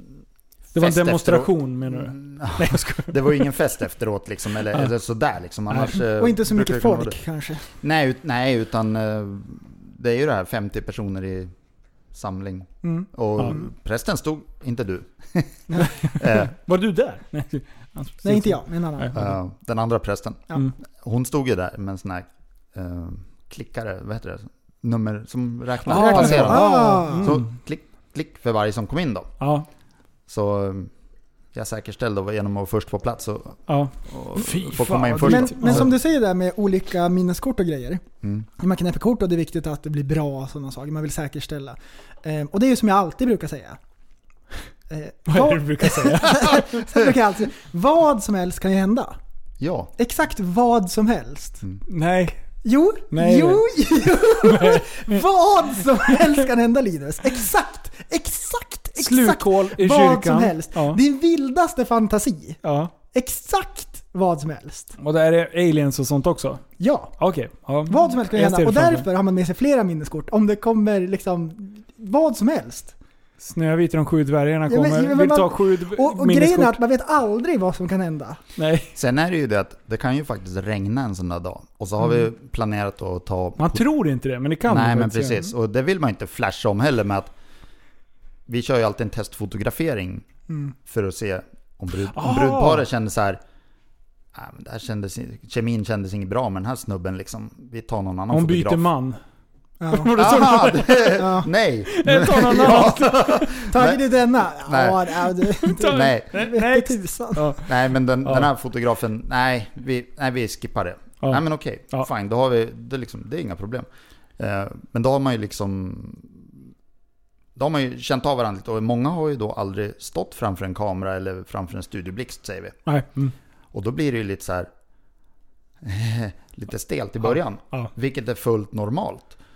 Eh, sen ju längre tiden går under den fotograferingen så blir de lite varma i kläderna. Så sen när de väl ska gifta sig, då är de ju tjena! Och så är Ja. de ju vana vid det. Ja. Och då är de ju avslappnade direkt. För det där, jag hade, eller jag har en, en bekant som också eh, fotar mycket bröllop. Eh, och eh, hennes specialitet var att få fånga de här momentsen när folk inte var beredda. Och sådana här assköna så här, stämningsbilder. Eh, men hon, hon beskrev det också som att, att vara fotograf, vara bröllopsfotograf, det är att vara, man är typ 80% eh, som ett, som, eh, vad ska man säga? Spin, eh, flugan på väggen. Nej, men mer att få folk att känna sig trygga. Mm. Det är det viktigaste när man är bröllopsfotograf. Man ska liksom kunna få folk att slappna av Ja. och vara en trygg... Inte sådär, ja men ställ dig där, bla bla bla. Utan Ja. man måste ha den här, Man är känna in den här inkännande Man har känslan. lite liksom. pruttskämt och sådana här saker. Precis. Så man lättar på stämningen. Man kanske lägger av en rikare. Titt på mig vad naturlig jag är. Man naturmänniska och alla bara, ja men det här är jätteskön Ja, precis. stämning. här. Det var så hon menade. Ja. Ja. Nej men det jag skulle säga med att allt kan hända, det kan ju, det kan ju vara så att det, att det regnar den dagen de ska gifta sig. Vad ska Ja. jag säga? Oj förlåt, det spöregnar idag, vi, kan vi ta bilderna imorgon? Ja. De här porträttbilderna vi ska ta. Ja, nej. Då måste ju jag reka av innan med en plats inom, inomhus Mm. någonstans. Ja. Där man kan hålla till då, Mm. om det spöregnar ute. Ja. Nu var det ju fint väder nu i helgen så det var ju kanon. Det var ju Men, skönt. Ja, det var jävligt fint väder. eh, Ja. Mycket bra. Men eh, som sagt, bröllop det är ju inte så att jag är ute och fotar det varje helg utan det, det blir ibland. Men eh, annars, det mesta jag fotar annars det är ju action liksom. Då, då, då gillar jag ju när det regnar. Alltså, Ja. inte när det vräker men alltså jag gillar ju det här med dramatiska moln och lite...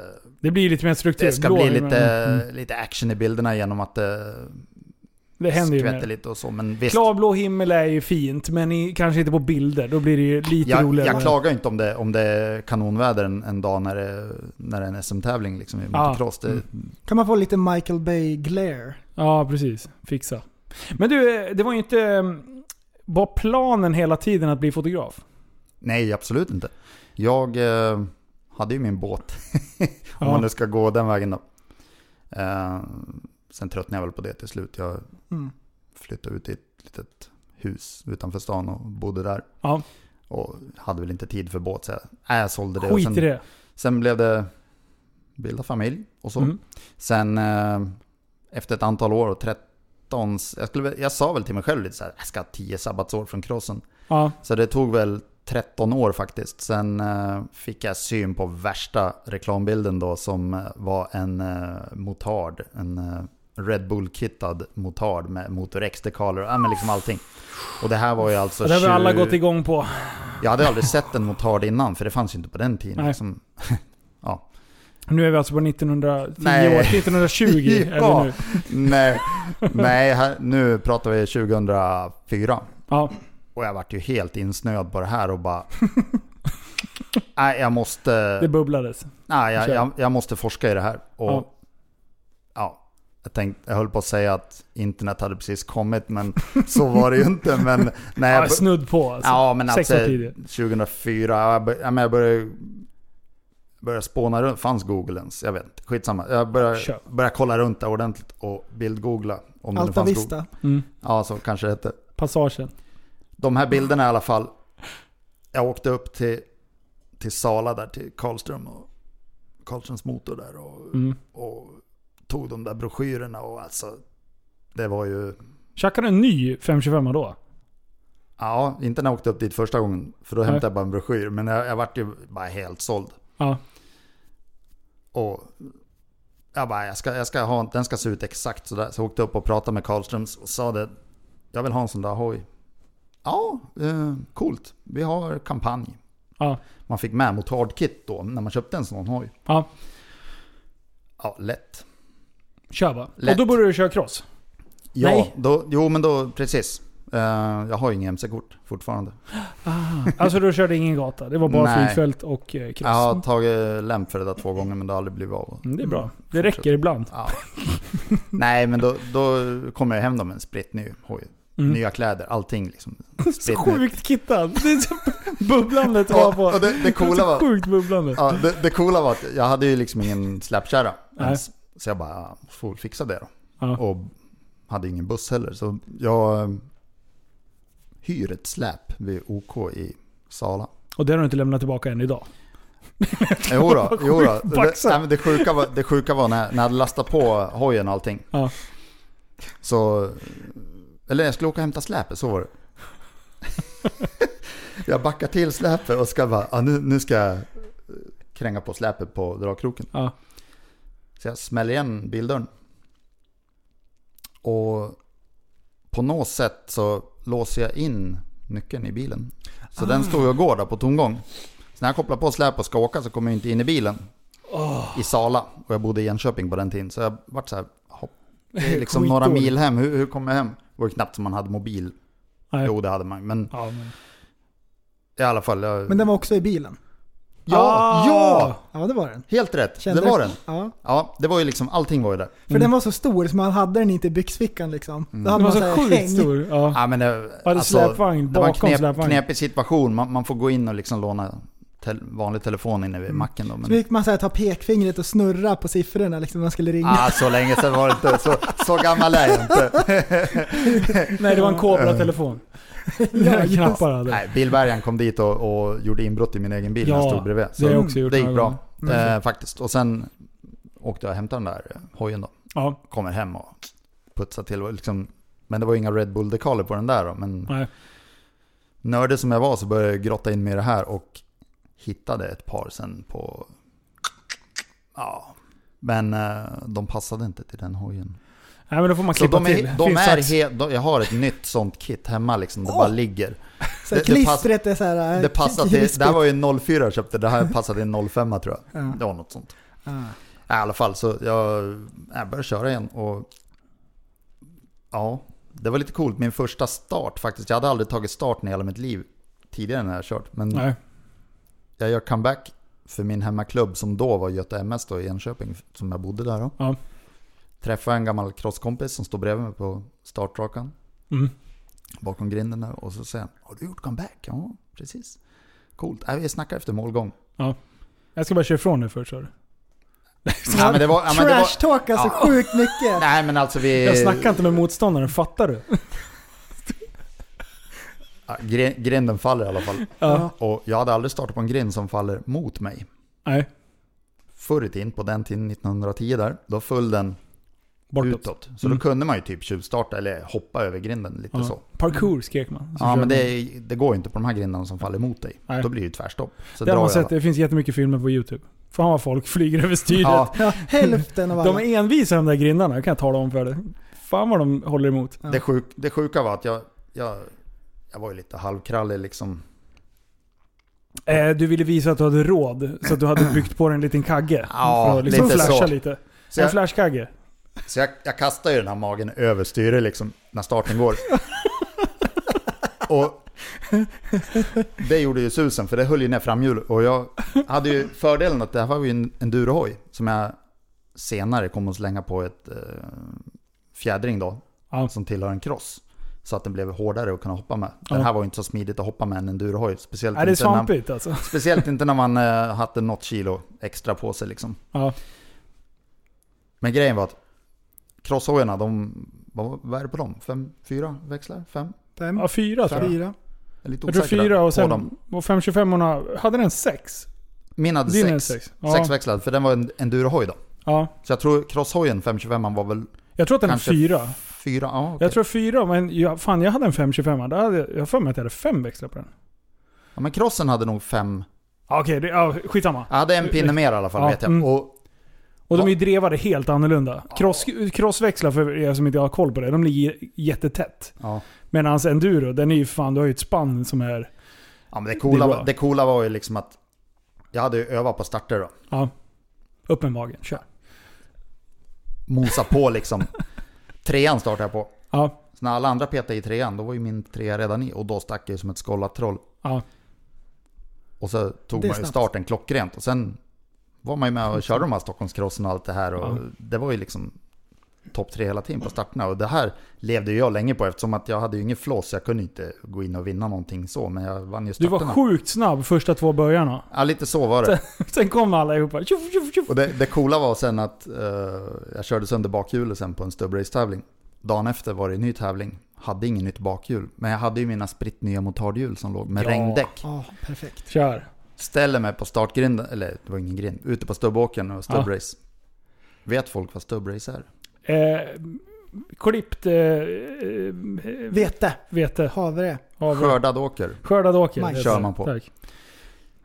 De garvade åt mig, de som stod bredvid mig och sa vad, vad håller du på med? Ska du köra med, med... Alltså det här är ju däck som vi, vi pratar, det kör man med på grusväg eller på landsväg. Ja, alla lyssnare kanske vet. Grusbrätta däck eh, kör man normalt med. Det här var gatdäck. Ja, Enkelt förklarat. i alla fall så, jag tar ju starten med motardhjulen på en stubbåker. Då alltså hade jag ju Ja, en veteranvärldsmästare i motocross bredvid och en eh, VM-åkare i motocross på den tiden då. Ja, Det var ju- jävla Johan, han stod ju still för fan. Han fick ju i backen på Ja, men det hojen. var- det var ju är en Och så, och så knäppte du dem på näsan. Ja, det Ja. var en skön känsla. Och sen Ja, gick, det- går jag in i böjen va. Först in i böjen och sen, sen bara small det till. Så Ja, dundrade de förbi mig och sen... Alltså sen vart man ju... Det gick ju inte att köra med Alltså det. det, Det är ju halt. något fel på crossåkare. Förstår du när de är så här. Vad, vad kan det vara en start? 40 man? Är det, liksom, är det ett vanligt startfält, en crosstävling? Eh, nu står det still i mitt huvud, men 30... Sänkte de inte till 30? Ja, jag vet inte. ja, Okej, vi säger 30 då. 30-40 då. Men, Ja. ja. Men tänk dig, vi säger 30 man. Och sen så ska alla in och stångas i första böj. Och det är liksom så här brett vid starten och sen ska alla in i en jävla hår, hårnål liksom. Alltså du, det... Att, jag skulle ju ha kört sist och sen kört om alla. alltså det, ja. Det, jag, jag- fattar inte. Det, de, de har ju ett visst jävla psyke de där dårarna alltså. De är ju inte rädda för fem öre. Håll fullt bara, sen kör de. Nej, jag älskar den här sporten alltså. Min, min far han sa ju alltid till mig när jag körde 80 kubik, ta det lugnt nu. Sen när, Ja. sen när han var med och kollade liksom på de här tävlingarna när man körde 525, ta det lugnt nu liksom. Ja, Samma känsla liksom, Ja, okej okej. Och, Ens barn är alltid Ja. ens barn. Man Och sen, är alltid eh, rädd om dem. och sen då, eh, min flickvän som jag träffade sen, som numera är min fru. Hon följde med och hon vart så här. Men kom igen nu då! Bara hetsa mig Ja. liksom. Ta det här nu då, ta den här starten. Hon bara stod och skrek bara Ja. Du är sämst, köra för fan! bara, du, du var ju bara trea in i starten. Så- Make me proud! Ja. Så jag, jag, Vad händer? Ja, men då var det ju helt annan värld för mig. Så jag bara, okej. Slog mig för bröstet och bara adrenalin innan. Och sen bara, jag ska först in i böj. Sparta! Började sparka folk. Road rage. Ja. Ja, Ja. nej det var härliga tider. Och sen, jo apropå min far. Det här var ju lite roligt när vi åkte runt på Åtvikvikstiden. ja.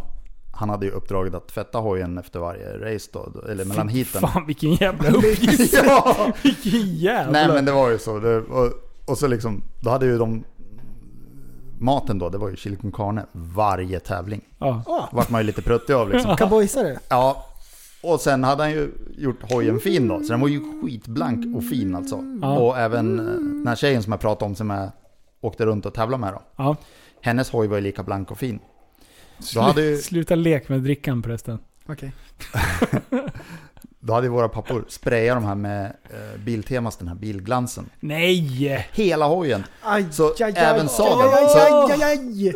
Och handtagen speciellt. ja men i starten alltså liksom, det gick inte att sitta kvar på den här sadeln. Du hamnar ju bak på Man låg stänkan som ett liksom. streck. Ja, så vi bara sluta spraya ner dem där liksom. Ah, Sluta shit. spraya ner dem med Biltemas Det där vet jag att en bilglans. polare gjorde mot en annan polare. Bara som ett litet skämt. Drog på lite 556 på sadeln. Han var ju tvungen att byta. Ah. Det gick ju inte att få bort. Ja, och alla, alla rörmokare, det är ungefär som att man skulle smörja in med Glidex på sadeln. Då förstår ni. Ja, just det. Mm. Mm. Och Och för alla som jobbar inom vården så är det glidslem Ja. vi pratar om. Eller alkogel som inte l- Dunstar. försvinner. Ja, bra. En- En annan skön grej med 525an, de här Stockholmskrossen som man åkte runt på. Ja, Eh, grabben var två år ungefär. ja. Eh, jag var ensamstående far då. Mm. Jag åkte runt på det där och grabben var med då vissa tävlingar. Mm. Och, I barnsedel på bröstet då. ja, precis. Istället för bröstskydd.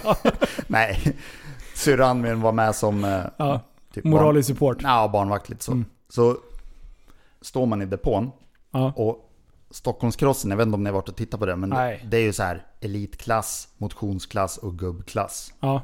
och tje- tjejklass. Men då var det den här motionsklassen. Ja. Alltså, det var ju många elitåkare, eller före detta elitåkare som hade trappat ner då. Mm. Bara för att, ja, de skulle vinna skiten. ja ja, Ja. Så, så var det. Alltså det var som klass på, på förarna där. Mm.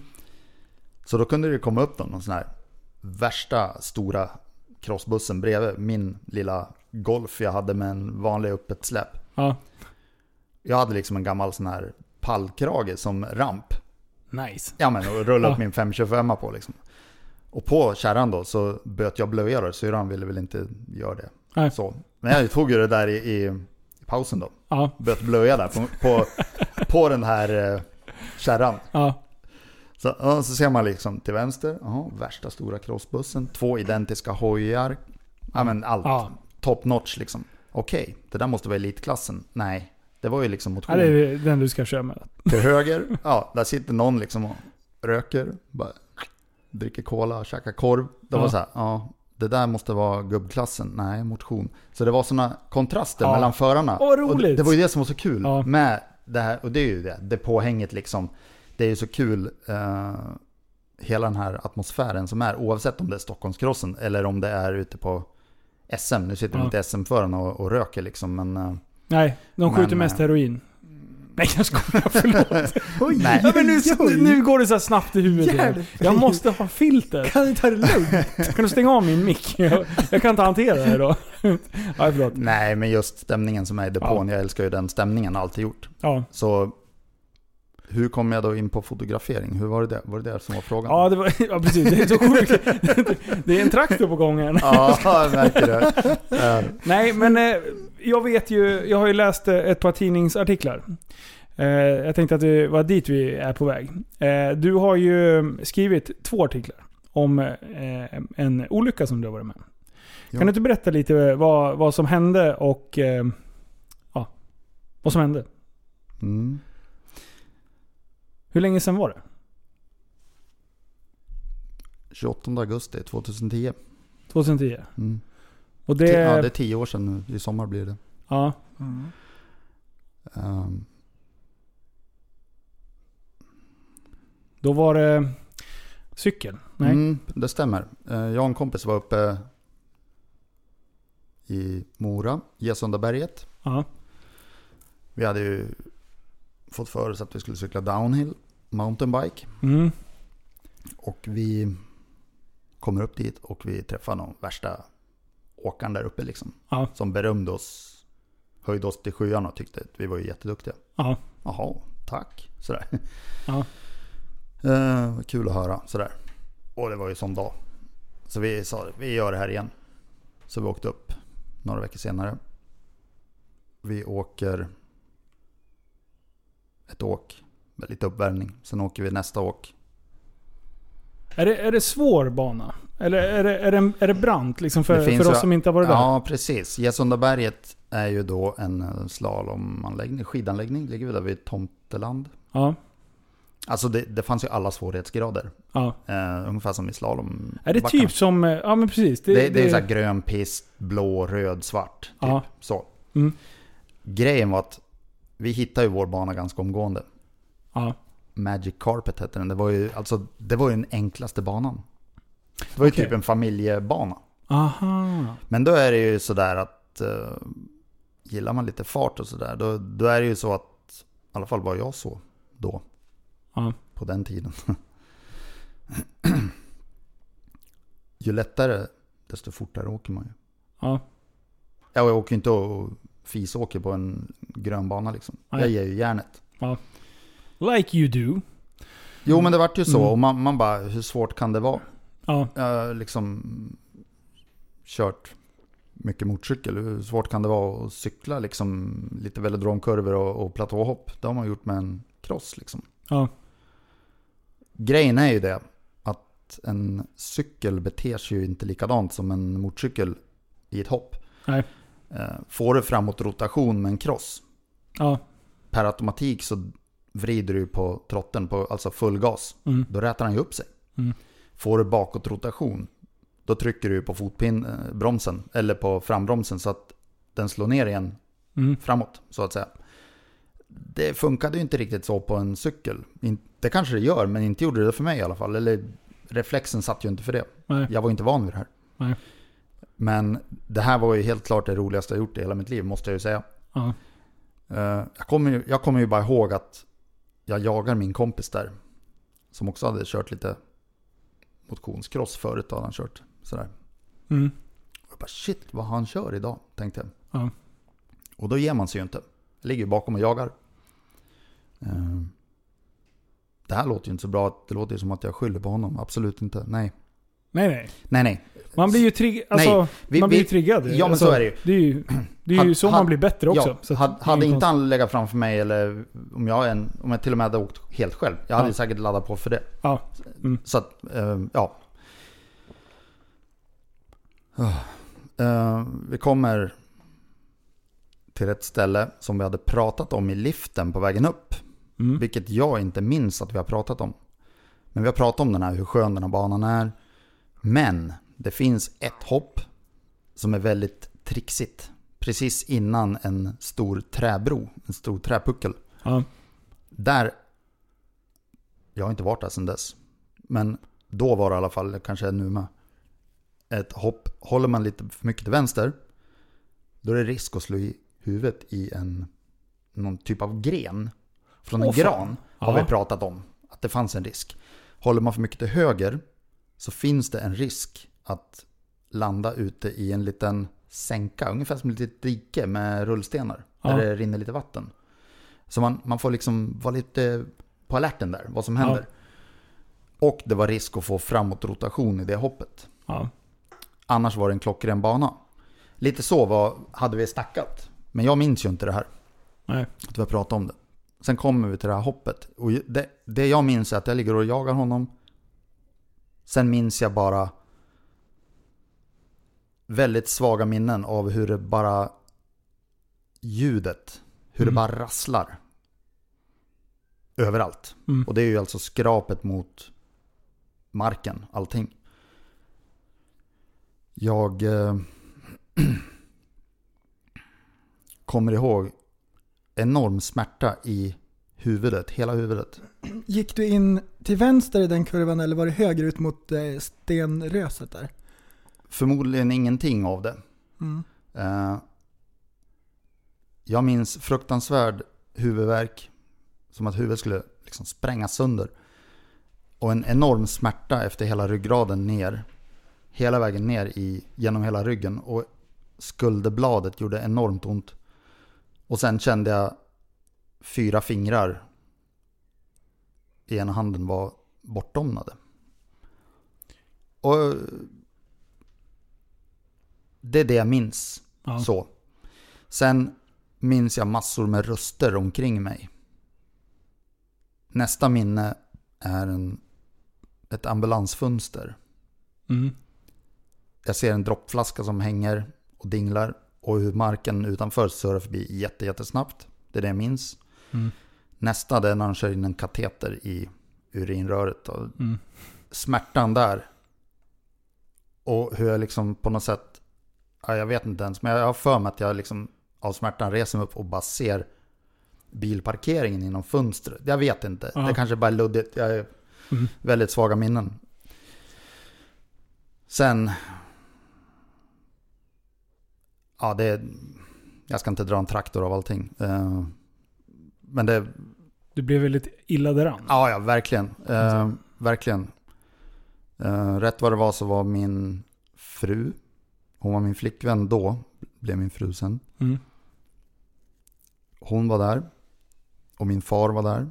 Och sen min kompis då. Som hade cyklat med. Vilken stad befinner du dig i då? Mora. Det är fortfarande Mora. Mm. Jag... eh, Ja, det, är, alltså det är så diffusa minnen Mm. de första åren faktiskt. Om vi säger så här Jag, då. jag, jag, vet- ja, Vad, vad, var det som, vad var det som gick sönder då? Vad, du, har du landat på skallen? Ja, Eh, och, eh, jag har ju det. Eh, så det är fraktur i skallen? Skadorna som man ser på hojen sen. Ja. Den är ju, alltså framhjulet är ju som ett chips. Det är ju helt Ja. så. Så man har ju uppenbarligen landat totalt på framhjulet. Ja.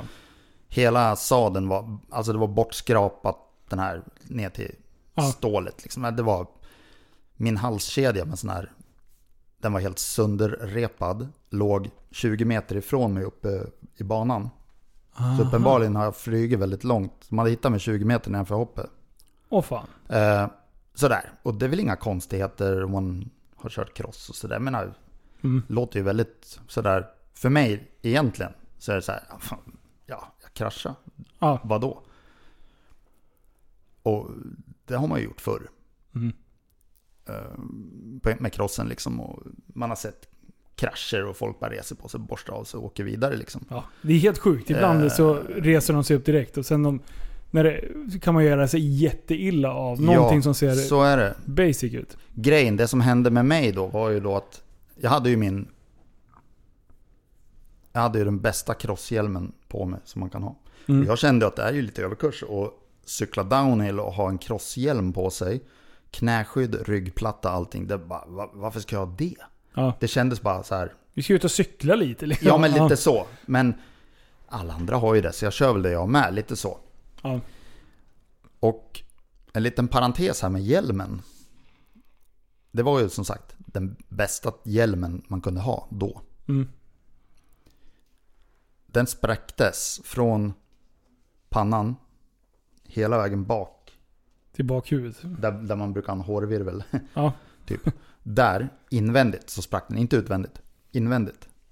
Sen att plastskärmen, den är ju plast, den flög Ja. av. Så är det. Hakskyddet är ju integrerat i en sån här... Ja. Vanlig crosshjälm liksom. Ja. Den, sprack ju liksom i hakskyddet där. Glasfibret alltså. Det var ju alltså glasfiberväven är ju framme på hjälmen. ja. Jag kanske skulle ha tagit med den om fått sett den. Ja. En jävla smäll, Ja. kan man säga. Och jag är så glad att jag hade sån oordning i källaren hemma. För jag ville inte ta den här hjälmen, för den skulle jag ju ha på stubbrace dagen efter. Jag ville inte skita ner den. Mm. Så jag skulle tagit min gamla hjälm egentligen, men där hade jag ju spräckt plastskärmen Ja. på den. Och då tänkte jag, jag lagar den med silvertejp. Ja. Det duger att åka i. Sådär, jag ska ju bara cykla liksom. Mm. Grejen var att jag hittade inte silvertejpen för att det var sån oordning i källaren. Mm. Idag är jag otroligt tacksam för det, för läkarna har sagt att just den där hjälmen räddar livet på mig. Mm. Jag spräckte ju då även eh, delar av huvudet. Mm. Trots att, eller tack, ja, Ja. tack vare att jag hade hjälmen. Mm. Hade det inte varit för den hade det ju varit bara mos. Mm. Eh, bihåleväggen sprack. Den, sid- vet ni var den sitter? Nej, bihåleväggen. Bihåleväggen. Sidan- Man, man petar på sidan av näsan, ungefär vid ögonvrån, Ja. där tårkanalen är. Ner mot näs, Ah, okej. alltså Mm. parallellt med näsan på sidan. Så jag fick en sned nästipp efter det. Det kan jag väl leva med liksom. Men den sprack. Eh, Och sen har du okbenet. Är det här okbenet? Precis. Så du har, du har näsbenet, eh, bihåleväggen och sen okbenet. Okbenet sitter, den här Under- hårda knölen man Under känner ögat, typ. under ögat. Den här Mm. som sticker ut. Mm. Det är kroppens hårdaste ben. Mm. Är det? Mm. Oh. Och den, den sprack. Och då, då har jag ändå haft en integralhjälm på mig liksom. Ja. Vilken jävla smäll. Brillorna, de, de var spritt nya. De var helt sönderrevade och det, de gick ju av här, brillorna. Crossbrillorna, det är ju som skidglasögon liksom. Ja. De, de flög iväg liksom. Och sen var det tydligen ganska blodigt också. Ja. Sådär, men det var väl vanlig näsblod liksom, eller skrubbsår från ansiktet. Ja. Men eh, ja, det kan man ju tycka är okej. Det är sånt som händer. Mm. Eh, sen var det ju då en kraftig hjärnskakning. Och det som, som jag skulle vilja ta upp lite är ju det här. Jag hör väldigt ofta så här. Ah, det är bara en hjärnskakning. Mm. Alltså jag trasade sönder knä, det var ju skit. Men så, ah, ja, sen fick jag en vanlig hjärnskakning alltså. Mm. Men det är lugnt. Eh, jag trasar hellre sönder knät. Mm. Det vill jag ju såklart inte göra. Nej, nej. Pest eller kolera. Ja. Mm. Men hjärnan. Den är bra Alltså, när den det, funkar. Det, Mm. det är ingen lek alltså med en hjärnskakning. Vad är det som händer? Blir det en hjärnskakning för mig? Ja, är, blir det en blödning på hjärnan? Nej, det är något annat. Ja, okej. En hjärnskakning, nu är inte jag någon läkare då. Ja. eh, någon specialist på, på så vis. Men en, en, alltså, en, hjärn, en hjärna mår inte bra av att skakas om. Alltså, nej, nej. Absolut inte, det händer ju grejer i hjärnan. Ja. Så är det ju, även vid lättare hjärnskakningar. Ja. Som sätter, kan sätta väldiga spår och men för livet. Ja. Och jag fick ju då en kraftig hjärnskakning. Men jag fick ju dessutom att genom att hjärnan studsar runt som en studsboll i huvudet. Ja. Så var det ju så att jag träffade ju, slaget har ju träffat då Främre delen av Främre-. Mm. ena halvan av pannan liksom. Så där fick jag ju en blödning på hjärnan. Ja. Och då blir det ju det att hjärnan studsar ju bak. Ja. Då blir det en hjärnskakning. Men den studsar så hårt. Så det vart en blödning där bak också. Åh fan. Så jag fick två hjärnblödningar i en smäll. Ja. Plus den där hjärnska- kraftiga hjärnskakningen då. Och de här blödningarna då, det blir ju då otroligt individuellt hur det träffar. Japp. En hjärna är ju ganska komplicerad liksom och då, då blir det ju då blödningar som, ja det blöder ju. Mm. Och läkarna visste ju inte hur det här skulle sluta, har jag fått hört. Jag har ju, vi brukar diskutera det, jag och min fru lite då och då. Där hon brukar berätta sin upplevelse av det hela. För det är ju en helt annan upplevelse än vad jag var med om. Mm. Där hon liksom får ett telefonsamtal där hemma.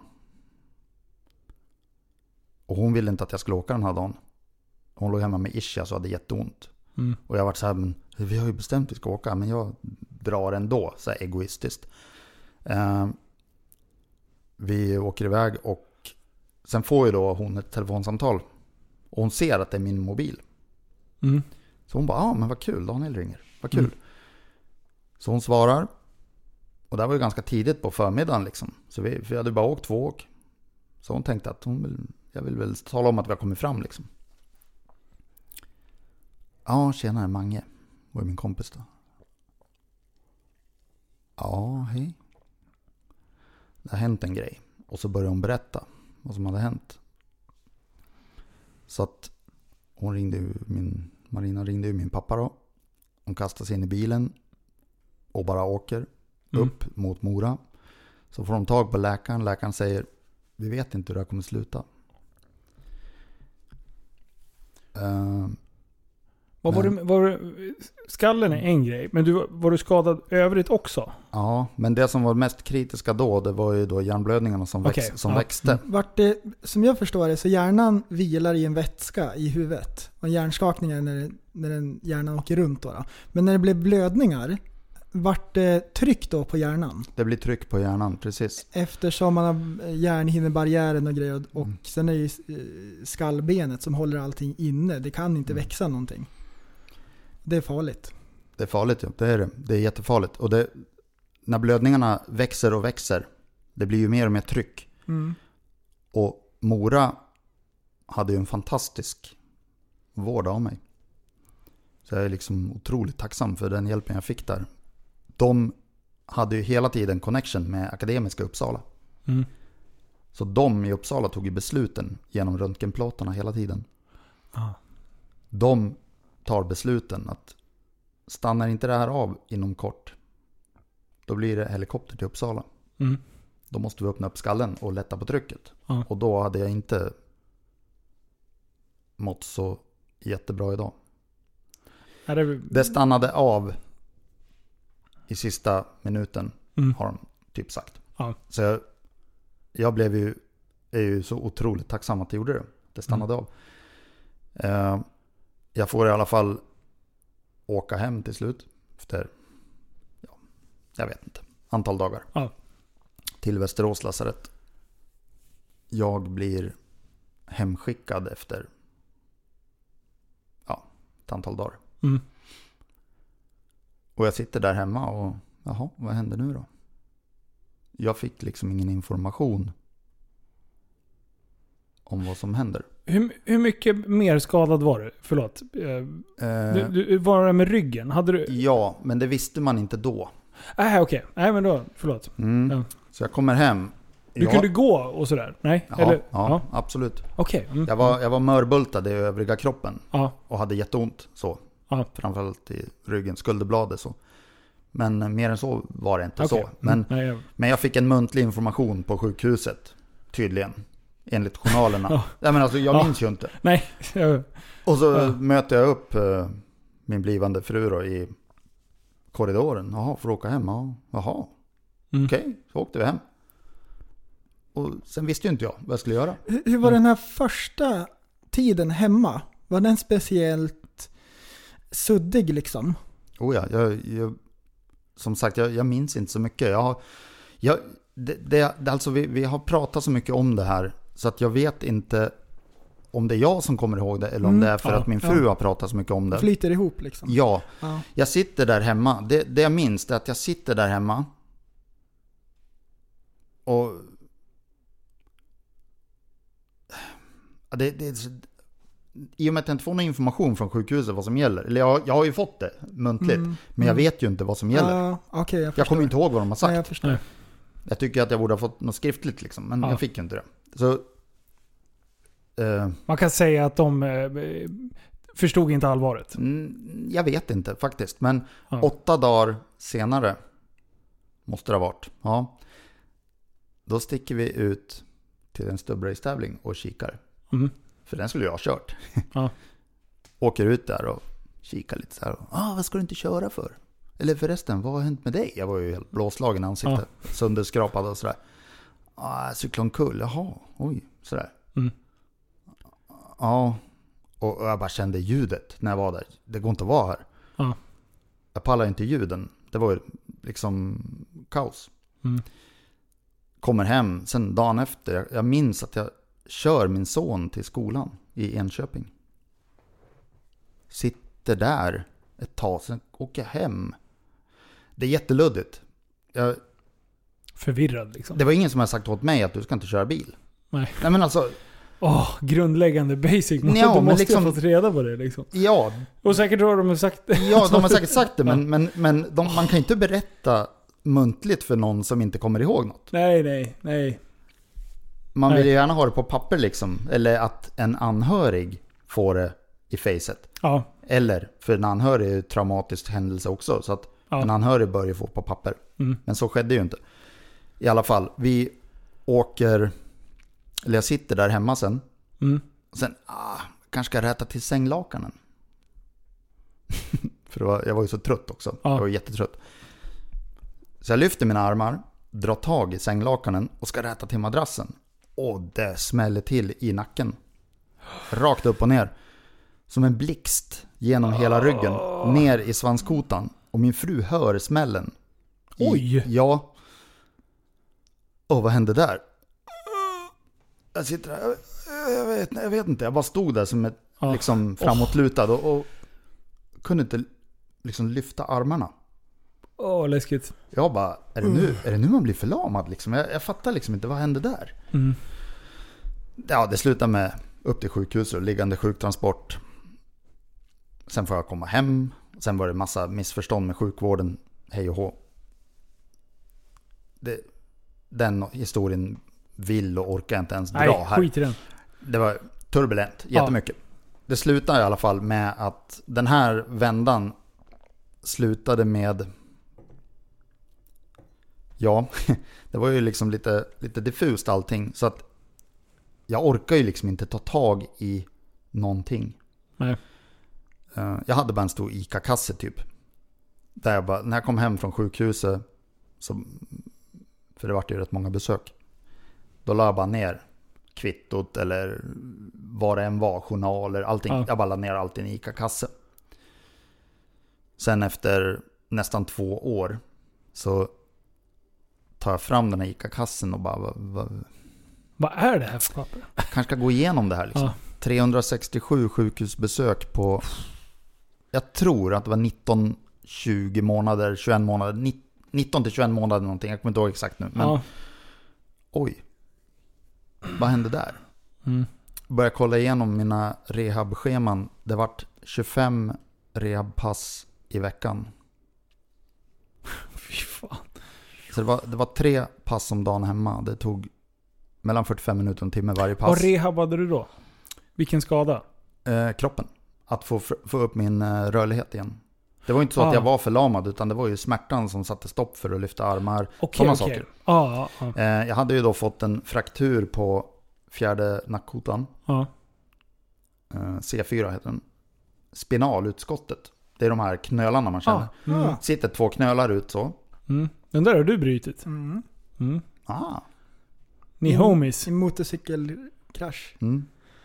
Såg de inte det på röntgen när det var in Nej. första gången? Nej, det var det som var så turbulent. Ah. För att de, de skickade hem mig och så sa han att äh, den här röntgenläkaren, han är så ny här. Hans Ah. bedömning är att, är att du har en fraktur, men enligt min bedömning så är det ingen, du kan åka hem. Okej, okej. Så det, det, det okej. syntes i alla fall, men de förstod inte hur, Ja, hur nej, det var, det var. det är en lång historia om det. Men i alla fall, sen fick jag tag på en jättebra läkare som jag är så evigt tacksam för. Hon tog ju tag i allt sen. Mm. Och bara, du måste på rehab nu. Mm. Sådär. Sen började resan då. Och det vart ju då hemma med olika gummiband, sitta med nacken. Alltså få, få igång Mm. rörligheten ordentligt. Eh, jag fick börja gå på gymmet på sjukhuset efter, efter jag hade gått på bassängträning. Uh, massa sådana grejer. Jag hade en otroligt bra sån på Försäkringskassan, sån handläggare. Som Mm. var så otroligt förstående. Jag ville ju gå och jobba. Mm. Hon bara, nej, lugn nu. Du, alltså, nej. Okej. Så fick jag provjobba.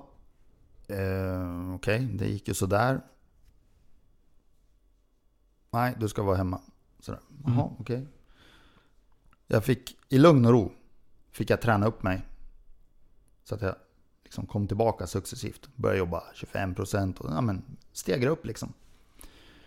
Fick sån otroligt bra anpassning och grejer på, på jobbet och allt det här. Mm. Och klockrent liksom. Eh, och min fru som liksom kämpade för att jag skulle få rätt vård.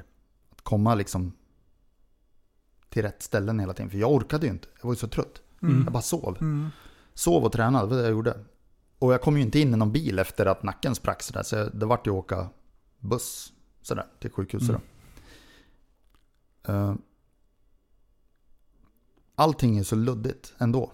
Jag, jag, De, Hur länge- de första två åren, säger vi, var, Mm. var intensiva. mm. När eh, känner du att du nådde en så här en basnivå? Att eh, det liksom Mm. att det värsta var över och det hade liksom planat ut? Ja, det, ett, jag, hade ju, jag hade ju tre mål Mm. direkt Ja. efter min olycka. Det var ju det att, eller direkt, jag vet inte när det var, men ganska omgående. Min son var sju år när jag gjorde illa mig. Och två veckor innan olyckan, då hade vi varit uppe på Stekenjokk uppe i södra Lappland. Och cyklat. Är inte det den här vägen? Mm. Just ni pratade om den, våran... ni eh, pratade ja. om den nyligen i podden. Ja. Ja. Mm. Stekenjokk öppnar ju upp den här vägen då. Eh, typ nu. Sen är ju den öppen tidig höst där. Men i alla fall runt augusti månad då så... Ja, jag har varit uppe där och cyklat en del och vi har haft stuga där uppe och sådär. För pappa har haft stuga där. Så jag- har varit mycket där uppe liksom. Och jag och grabben, vi, vi cyklade då cross country, alltså på fjällvandringslederna med tält och stormkök. Ja. Och han älskade ju det här. Mm. Och när han såg mig ligga där på sängen hemma och göra de här övningarna och försöka lyfta armarna. Han bara, pappa, när ska vi cykla igen? Han är sju år. Åh nej. Och det, det liksom, då började han prata om det ganska omgående, bara någon månad efter vi hade gjort det. Liksom. Då bestämde jag mig direkt att vi ska göra det. Mm. Så då sa jag det, ja det är därför jag, det är därför jag tränar så mycket. Så här. Mm. Det är för att vi ska göra det igen. Då bara yes, det ska vi göra, det är mitt mål. Två år efter olyckan, ganska precis två år efter, så var vi på plats på samma ställe. Cykla samma sträcka, men jag orkade bara vara ute i en natt med övernattning. Innan Ja. det hade varit ute flera nätter. Men själva känslan att komma ut där igen. Och jag liksom bara, och jag, jag tackar honom än idag, min son. Ja. Att du har liksom, det är tack vare dig som jag är det jag är idag. Mm. Plus att väldigt många andra också Ja, såklart. Eh, runt omkring. Men, men han, han var en väldigt stor del av det. Att komma dit jag är idag. Sen hade jag ett mål till. Det var att jobba heltid. Gärna med det jobbet jag hade. Mm. Och jag kom tillbaka på heltid där.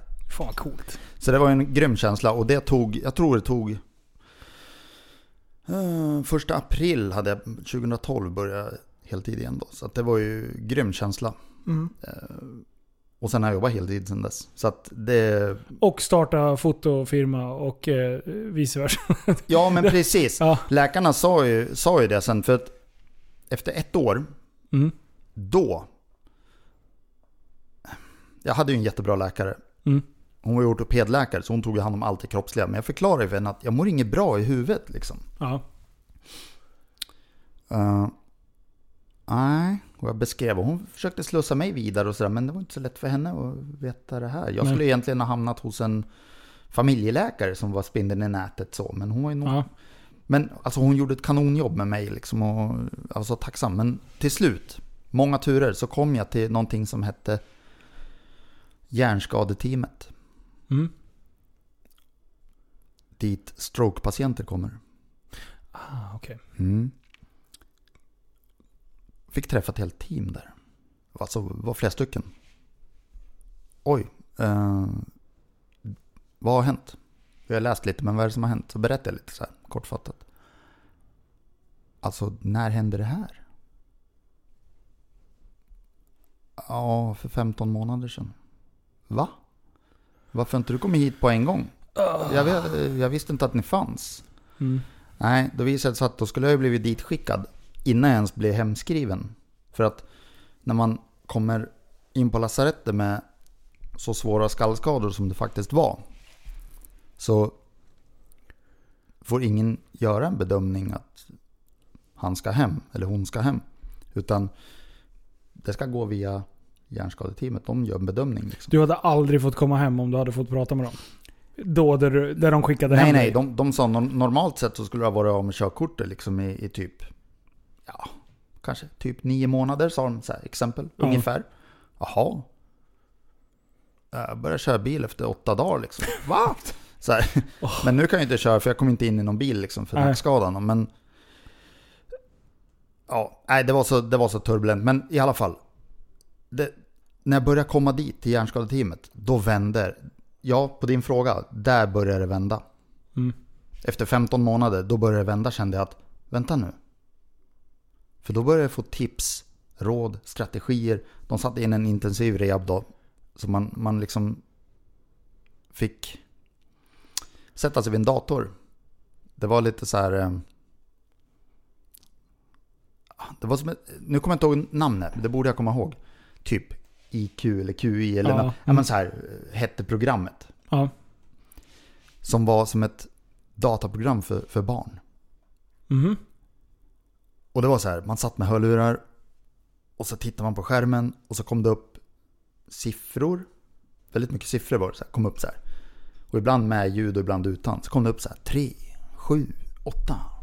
Mm. Då bara, säg nu de här siffrorna i den ordningen jag sa.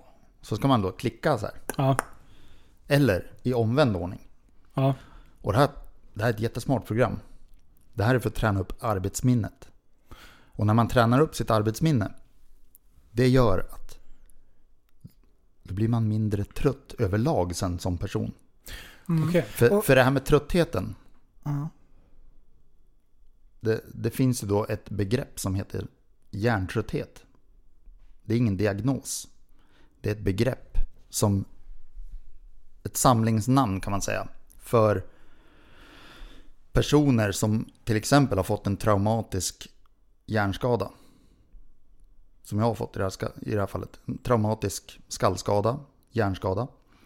Som man får då genom ett slag mot huvudet. Genom kanske att man har cyklat omkull då, eller ramlat och slagit i huvudet. Eller blivit misshandlad i huvudet, slagen i huvudet. Eller om du har fått stroke. Där du får en hjärnblödning där det brister ett blodkärl i huvudet. Då du får en stroke. Mm. Eller om du har vissa andra eh, sjukdomar. Då kan man få hjärntrötthet. Mm. Och jag har träffat mycket folk live, alltså så här mellan fyra ögon på rehab. Jag har träffat via nätet mycket folk. Alla kommer från olika bakgrunder, en del från samma lik, liknande bakgrunder men Mm. alla beskriver i slutändan samma symptom. Mm. Den här tröttheten som, som kommer och de här besvären som, som medföljer med allt det. Mm. Och det är så skönt att kunna bolla sånt med andra likasinnade. För då stärker man varann. Och det finns ungefär 200 000 personer i Sverige som lever med hjärntrötthet. Mm. Många av dem vet inte ens om det. Jag visste ju inte om det. Jag bara, vad, vad, vadå hjärntrötthet? Sa, sa jag till dem. Vad är det? Ja, du har cyklat omkull. Den här sifferkombinationen då som man fick lära sig på datorn. Mm. Det var så fascinerande. Och jag gick ju... Jag vill ju, jag är ju liksom lite tävlingsmänniska så jag vill ju liksom, jag ska bli bättre. Ja. Men hur lätt är det när man inte mådde bra i skallen just då? Men systemet kände av det. Så att hade jag en bra dag och kom dit och bara hö, hö, kunde jag här, nio siffror liksom kunde jag återkoppla eller liksom Ja. Varva Typ. spelet. Ja. Ja. Men, och jag bara åh, slog mig för bröstet och bara shit vad grym jag är. Och så kom jag dit dagen efter. Då kanske jag hade en dålig dag. Då kände ju systemet av direkt. Idag klarar han bara tre siffror. Ah. Då backar systemet sådär. Så den tände bara gränserna hela tiden. Ja. Sen fick jag diplom när jag var klar där. Då fick jag statistik på hela den här utvecklingskurvan. Och de sa det att du har slagit all time high record liksom sådär. Vad, är, vad är hemligheten? Lite sådär. Jag bara, Mm. Då berättade jag. I och med att jag har varit på crossbanorna jämt. Ja. Sådär. Då la jag ihop då, för att få ihop nio siffror. Mm. Komma ihåg, liksom memorera. Då kunde det bli så här, ja, fem, tre, sju. Sådär. Ja. Då bara, ah, okej. Då såg jag i huvudet så här framför mig en, en crosshoj med startnummer 537. Sådär. Ah. Och sen kunde det komma så här, ett. Nej men, eh, Ja. eller så här, någon kombination. Och så bara, ja ah, men det är ju Nisses hoj. Ja. Sådär, då var det någon jag kände som Så där är hade jag med det start- hockeyspelare. Ja, Nummer på ryggen. Jag kan, jag kan fortfarande säga om jag ska memorera Peter telefonnummer- Forsberg. Ja men 21. Eh, alltså sådär, jag kopplar Mm. alltihop till människor jag spelar Men med. att eller du så. sa att det vände där. mm, ehm, det har ju att göra med att liksom dels rätt hjälp. mm, Men sen också att man vet själv vad det är man dealar med. Mm, Att Precis. man får eh, tips och grejer liksom. Att, ja, men, som till exempel med hjärntrötthet då, att höga ljud. mm. Det, det ska man undvika liksom. Och sånt där, och rörighet liksom, att man Mm. lägger upp saker systematiskt och alla de här grejerna. Sådana enkla grejer kan hjälpa en att eh, få mer eh, ordning på tillvaron. Mm. Hjälpa en att få bättre minne och komma ihåg saker. Om man lägger upp det på ett visst sätt och så vidare. Och det är de faktiskt bra på. Mm. Eh, Min dotter hade hjärttrötthet när hon gi- genomgick strålbehandling. Mm. Ehm, och då var det ju så liksom att hon blev trött när, eh, när de yngre systrarna levde om för mycket. Mm. Det var ju bra då att eh, de hade sagt från sjukan att eh, hur hjärntrötthet fungerar. Mm. Så eh, ja, jag tyckte det, det är intressant också nu för alla som lyssnar också. Att om de har någon i sin närhet som, som har hjärntrötthet, att de också får reda på lite grann om hur det funkar och lite sådana här grejer. Mm. Det är det jag känner också att, det var det som jag sa till dig Linus lite, att det där när vi började prata om det liksom att det kanske kan vara någonting i podden. Jag bara, alltså. Jag känner ju det att kan jag hjälpa en enda människa Mm. med mitt budskap eller mina erfarenheter av det här. Mm. För sjukvården, där kan du få väldigt bra hjälp med det här. Men de är duktiga på det akuta så att säga, det som är Ja. i början. Men sen, då, då är man liksom klar så att säga sjukhuset. Det var som lite vi pratade om med, med bara en hjärnskakning. Alltså Mm. den grejen, det uttrycket. Det är så här, ja men... Bara. Ja, så, så länge du inte mår illa liksom. Ja, men då ska Mm. du inte somna. Det, och sen är det typ klart. Och jag har ju Mm. hört, känner ju mycket hockeyspelare som eh, har åkt på riktiga jävla smällar. Mm. Eh, där de verkligen, och de är också så här riktigt tävlingsinriktade och försöker så att ta sig tillbaka till, till disen igen. Mm. Och när de är hemma, när det är lugnt och tyst och liksom de kan eh, köra sitt race. Då bara, men då känner de sig hundraprocentiga. Så Mm. fort de liksom kommer ner till ishallen när det skjuts eh, puckar i sargen och så här, då bara börjar det flimra och de... Mm. Och det där är, det där är, ja, det är jävligt spännande egentligen hur hjärnan funkar. Och, och som sagt, och rädslan som, som de har upplevt från att det är något fel. Men Mm. de vet inte riktigt vad det är eller vad fan de kan göra åt det liksom. Det, det som är grejen med det hela för min del, det, det är ju, jag har ju ändå haft ganska precis tio år på mig nu att lära mig att hantera det här. Jag eh, måste planera mitt liv väldigt mycket. Ja. Eh, om jag vet då till exempel att i helgen ska jag göra ett fotouppdrag säger vi. Mm. Jag ska göra någon, vad som helst. Jag ska göra någonting som är utöver det jag gör i normala fall. Jag ska Ja. podda. Precis. Precis. Ja. Och så har man lite framförhållning då och säger imorgon kör vi en podd. Uh, jajamän.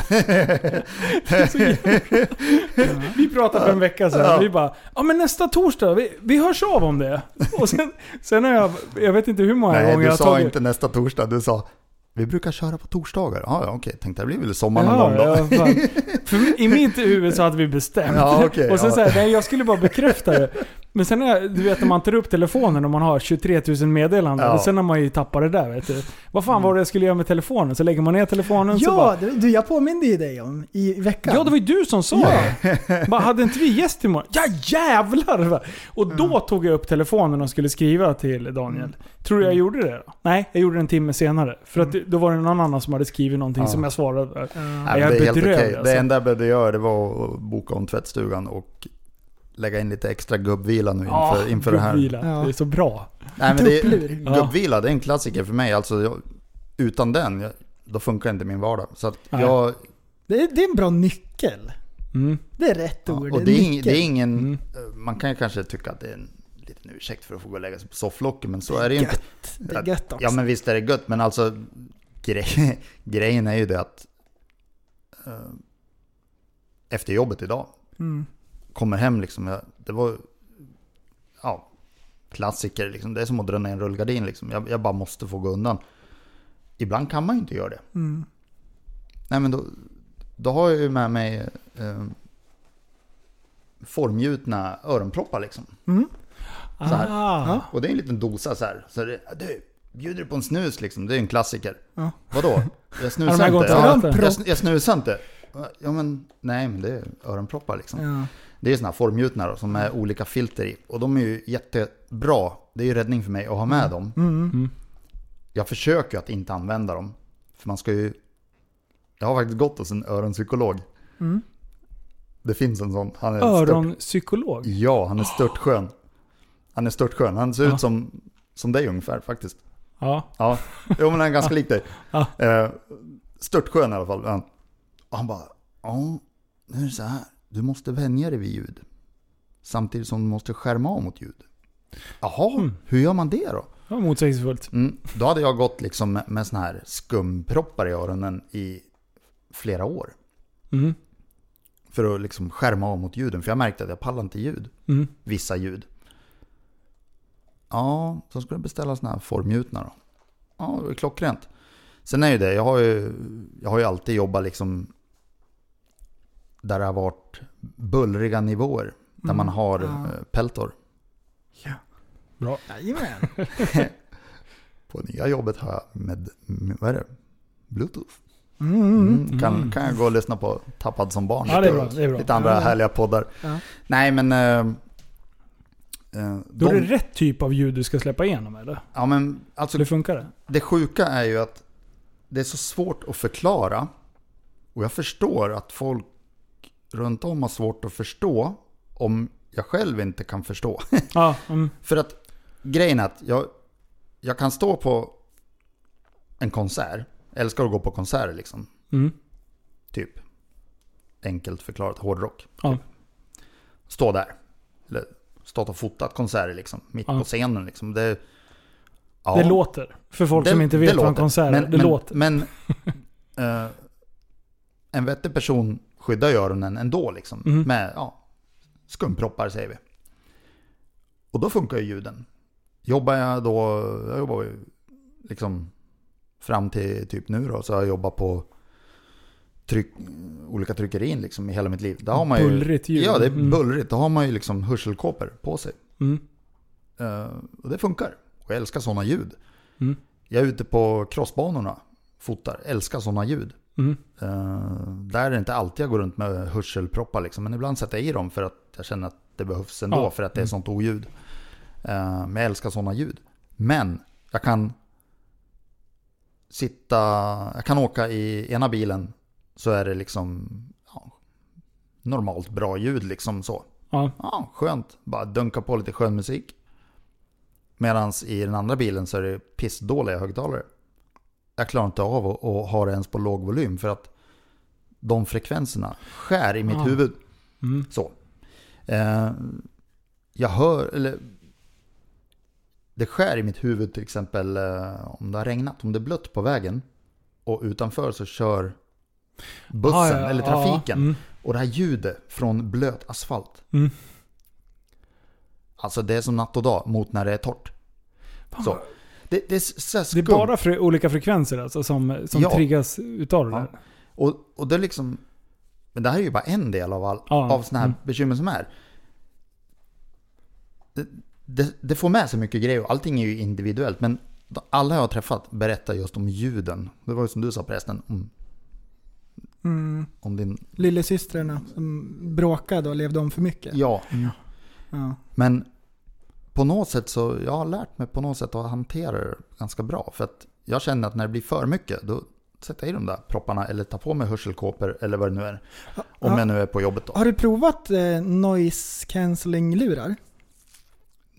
Nej. Jo, jag har testat. Jag har testat. Jag har inte köpt några, men jag har provat dem. Ja. Jag tycker de är rätt så sköna. Det blir Mm. ganska så här tyst då. Mm. De tar ju bort brus. Ja. Liksom. Så blir det helt tyst i stort sett. Jag går ju runt med mina också. Men då kan Ja. man ju prata med människor och sådär. För jag hör Mm. vad de säger. Men där tar du nästan bort de här...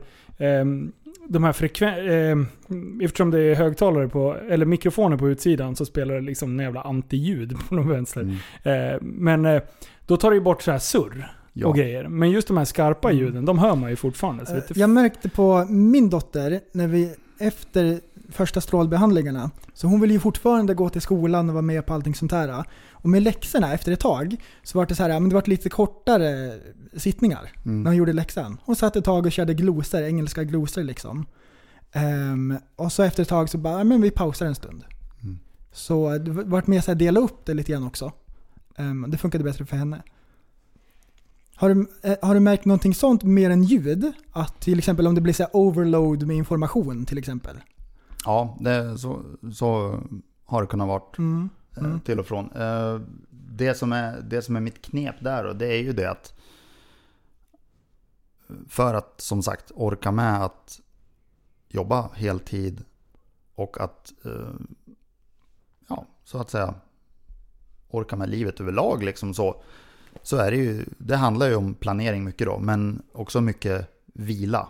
Mm. Kanske inte just sova mycket på natten, utan sova normalt på natten, men att man Ibland kan det räcka med att, gå undan 10 minuter och bara liksom Mm. powernappa till, eller en timme, eller två, eller sådär. Det är lite Ja. olika. Eller om jag då ska göra ett, upp, vi säger ett fotouppdrag, eller göra en podd. Nej men, vad det än är, så då, då vilar jag mycket inför det. Mm. Och ibland finns det inte möjlighet att göra det. Nej, och då funkar det ändå. Mm. Men då, blir, då vet jag att då kommer det komma bakslag senare. Och då måste jag ta igen det då. Ja. Så att på så vis har jag lagt upp en strategi på det, att det, det funkar ganska bra. Sen tar jag ju då eh, vitaminer. Ja. Så här, typ. Det är inte medicin, men det är vitaminer mot eh, som hjälper mig att hålla igång lite bättre. Och då, det funkar. Eh, det är bra knep liksom. Mm. Jag har provat allt möjligt liksom. Och det som, men också en stor grej som är ett väldigt bra hjälpmedel för mig, det, det har varit att fram till för ett antal år sedan så resonerade jag så här att ja, på grund av olyckan så. Alltså om någon frågade Ja. om någonting så sa jag alltid på grund av olyckan så bla bla bla. Det har jag slutat med. Nu säger jag bara tack vare olyckan så. Vända på det. Och då blir det en otrolig skillnad i kicken på mig, för mig. Ja. Att hela tiden resonera tack vare olyckan istället för på grund av. För tack vare olyckan så kom jag i kontakt med, tack vare olyckan så var jag tvungen att sluta köra cross. Och liksom, det var ju det jag älskar att hålla på med. Som, som, Så tack vare olyckan kom jag i kontakt med fotografering. Tack ja, vare ja. fotograferingen, eller tack vare olyckan, så har jag liksom fått träffa så otroligt, varit med om så otroligt häftiga upplevelser. Mm. Genom olika uppdrag och, och sådär. Och tack vare olyckan så hade jag ju inte suttit här och snackat med er nu. Så, Alltså, du så- kanske hade varit... Ja, precis. Nej, jag tror inte vi hade träffats så. Nej. På, på det sättet. tror jag inte. Nej. Eh, Jag skulle vilja säga det om när det händer så här tragiska saker i livet. Vi kan ta med andra saker, när det händer tragedier och så i livet. Ehm, Man väljer ju inte vad som händer med en. Även om man spelar allting safe, liksom. Downhill är inte någon superextrem grej liksom. Det kan hända en olycka när man kör bil. Mm. Liksom. Ja. Men när grejer händer, det, det väljer man inte vad som händer med en. Det är så här lite klyschigt, men man väljer ju ändå vad man gör utav det. Mm. Ehm, jag tror att det är farligt att, eh, att eh, man går in i en bitterhet. Varför händer det här just mig? Och man grubblar över det. Mm. För det är ju tragiskt, liksom, det är ju orättvist. Mm. Ehm, men att ändå liksom, ja men här är jag nu. Mm. Ja, vad gör jag utav det? Mm. Ehm, Det där hade jag efter eh, krockade med en buss. Eh, Körde den här rehabsvängen med, med pool och gym på, på sjukhuset som du berättade om. Jag kände igen det. Eh, krossade ju armbågen, hela bröstkorgen på högersidan och två frakturer i bäckenet och lite blödande Oj. lever och lunga och grejer. Så jag hade sju, sju månaders rehab. Första, jag minns inte första två månaderna. Alltså då var det, då var det suddigt. Men då var det mycket värktabletter och, och hela den historien. Men jag kände, eller personer i min omgivning, speciellt då Sanna, eh, fick nästan säga åt mig på skarpen. Man nu skärper du till dig. Det kunde ha blivit så jävla mycket värre. Var tacksam för fan. Och då blir, Sam, då blir man ju arg till en början. Alltså jag blev det. Och blev såhär bara, men fan jag får vara besviken. Till slut så bara insåg jag vad hon menade och bara, men jag kan ju inte sitta här och tycka synd om mig själv. Eh, och, och jag hade redan börjat träna och, och liksom sådär försöka komma igång. Men då hade jag också sån här, men jag ska spela innebandy igen. Eh, grabbarna, jag fick ha på mig en, en, en gul väst så de visste vart jag var på planen. Och de var asschyssta som ens släppte ut mig där. För jag sprang ju runt som sagt med haltandes med, med frakturer i brö, bröstkorgen. Eh, så att det var ju fortfarande känslig även fast det var, hade börjat läkt liksom. Eh, så då, de visste att Linus, han är inte tacklingsbar. så håll koll på honom liksom. Men det var ju mitt sätt att eh, att liksom eh, pusha grejer. Och sen första gången jag sprang en och en halv kilometer, fan då grät jag ju. Jag bara yes, jag kan fan springa igen. För de sa till mig att du kommer förmodligen halta resten av ditt liv. Jag bara fuck that, det kan inte halta. Och så bara, ja men sen var det med armbågen. Nej men vi ska steloperera Jag skulle ha typ den rörligheten på det. St- petade i mig värktabletter, det kanske man inte ska göra heller. Men eh, och så stod jag och pressade den där jävla armen tills jag fick in den. Eh, och sen var det bara att jag skulle få ut den. Eh, så då fick jag hänga tills, tills man hängde ut armen och grejer. Så nu har jag full rörlighet i armbågen och det trodde de Grymt. inte. Så att man, det gäller att hitta den här inre kraften i sig själv. Det här jävla anammat av att det ska gå. För har man ändå eh, hoppet, eller hoppet, eh, har man ändå tron att det kommer att gå.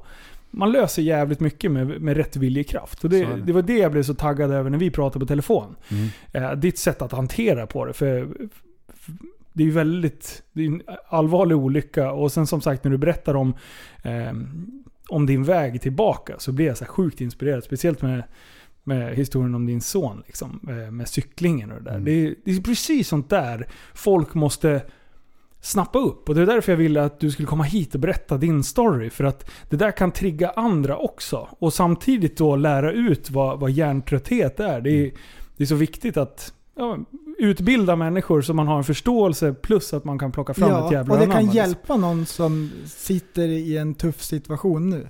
Och, För, Ja. för elände, det kommer att påverka en på något sätt. Ja. Det kan påverka en väldigt negativt också, men det kan också forma en och göra en till en bättre person. Att man är tacksam över saker och tar vara på de sakerna som man har. Yes. jag har ju en, en sak om det där, som jag sa, tack vare, på grund av det här Mm, mm. Jag har ju även en annan grej då. Att jag brukar alltid numera, förut sa jag alltid att ja, men jag, jag lider av hjärntrötthet. Mm. Jaha, men liksom börjar känna, vad, vadå lider av? Vad lider jag egentligen? Jag Mm. lever ju med det här. Alltså, Mm. visst jag li, lider väl också till och från så. Mm. För att jag lever ju med det här Ja. varje dag. Men vadå lider av? Så jag har slutat sagt så. Nu Ja. säger jag bara, jag lever med Ja. hjärntrötthet. Mm. Och det har stärkt mig något otroligt. Mm. Och jag hade ju också ett, jag hade ju tre mål. Det var att cykla, jobba heltid och bli helt återställd. Mm. Och det har gått tio år nu. Jag är inte återställd. Men jag är återställd så gott det går. Ja. Sen har jag ju då hitta, hittade jag då lite strategier hur jag skulle liksom få till det här då. Till exempel när man gjorde rehab på sjukhuset så hade man ju då får man ju ett papper av sjukgymnasten. De här övningarna ska du göra. Gör det tre gånger tio eller vad det nu var. Uh, börja med ett halvt kilo. Sådär på, för jag kunde inte lyfta mer på Mm. höger armen säger vi. Jaha. Och det var ju hela tiden på bristningsgränsen till hur mycket man orkar när man Ja. liksom är sådär på, på gymmet där då. Och sen vart det ju då att nej, nu, nu ökar jag på. Men istället för att sudda ut med suddgummit och Ja. skriva ett kilo där. Så strök jag med pennan Mm. och skrev ett kilo. Ja. Så det vart liksom en hel radda sen. Ja. Och det delsegrar allihop. Och det var så skönt. För sen, alltså rehab är ju oavsett vad, vad det är för skador. Rehab är alltid rehab. Rehab det är ju två steg fram och ett tillbaks. Mm. Och det där bakslagssteget då, det är ju jobbigt. Men du har ju fortfarande från startpunkten gått ett steg längre än vad du var innan. Japp. Ja. Så det var så skönt då. När man hade de här, kunde man ju ha flera bakslagsdagar liksom. Och då vart man ju så här Frustrerad. deppig liksom. Mm. Och bara, det går inte framåt. Och så börjar man titta på det här rehabpappret. jo, jag Ja. kunde lyfta Ja. ett halvt kilo på den här övningen förut. Nu lyfter jag åtta. Ja. Då vart man så här, yes! Det går framåt. Ja. Sen ju längre tiden gick, då vart det ju så här 20 steg framåt. Och det är det som är det farliga känner jag. Det kan jag känna än idag efter 10 år. Sådär, nu är man kingen, nu är man tillbaks liksom. Ja. Slår sig lite för bröstet. 10 steg framåt. Boom! Sen kommer det här bakslaget, då är det 10 steg bak. Och den är jobbig att ta sig upp ur. Mm. Men att liksom, man måste vara vaksam på att det kommer. Så därför måste man vara lite förberedd på att okej, i helgen ska jag göra det här, jaha. Ja, måste jag förbereda mig genom att vila mycket då? Eller i helgen har jag gjort det här, måste jag liksom acceptera att det är som det är. Jag, jag fixar och, och jobbar 100% men sen orkar jag inte så mycket mer sen. Mm.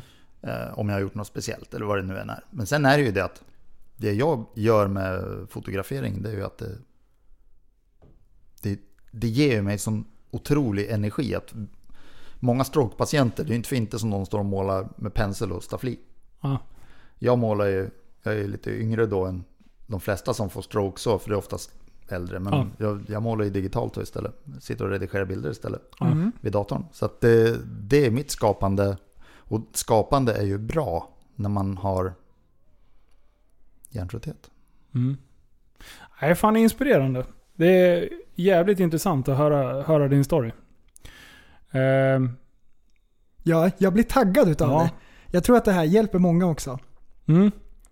Och det är så här, just den här grejen, se inte själva som ett offer oavsett vad, vad, man, vad man lider av. Om det är, om det är hjärntrötthet eller om, man, om det är, eh, inte vet jag, övervikt av någon anledning eller någon annan typ skada. Och så här. Det är aldrig för sent för att sätta igång och försöka liksom ändra ett mindset om det gäller hjärntrötthet eller typ med, när det gäller träning eller vad som helst. Alltså det, man, det är aldrig för sent att eh, kriga igång och försöka göra sin vardag bättre.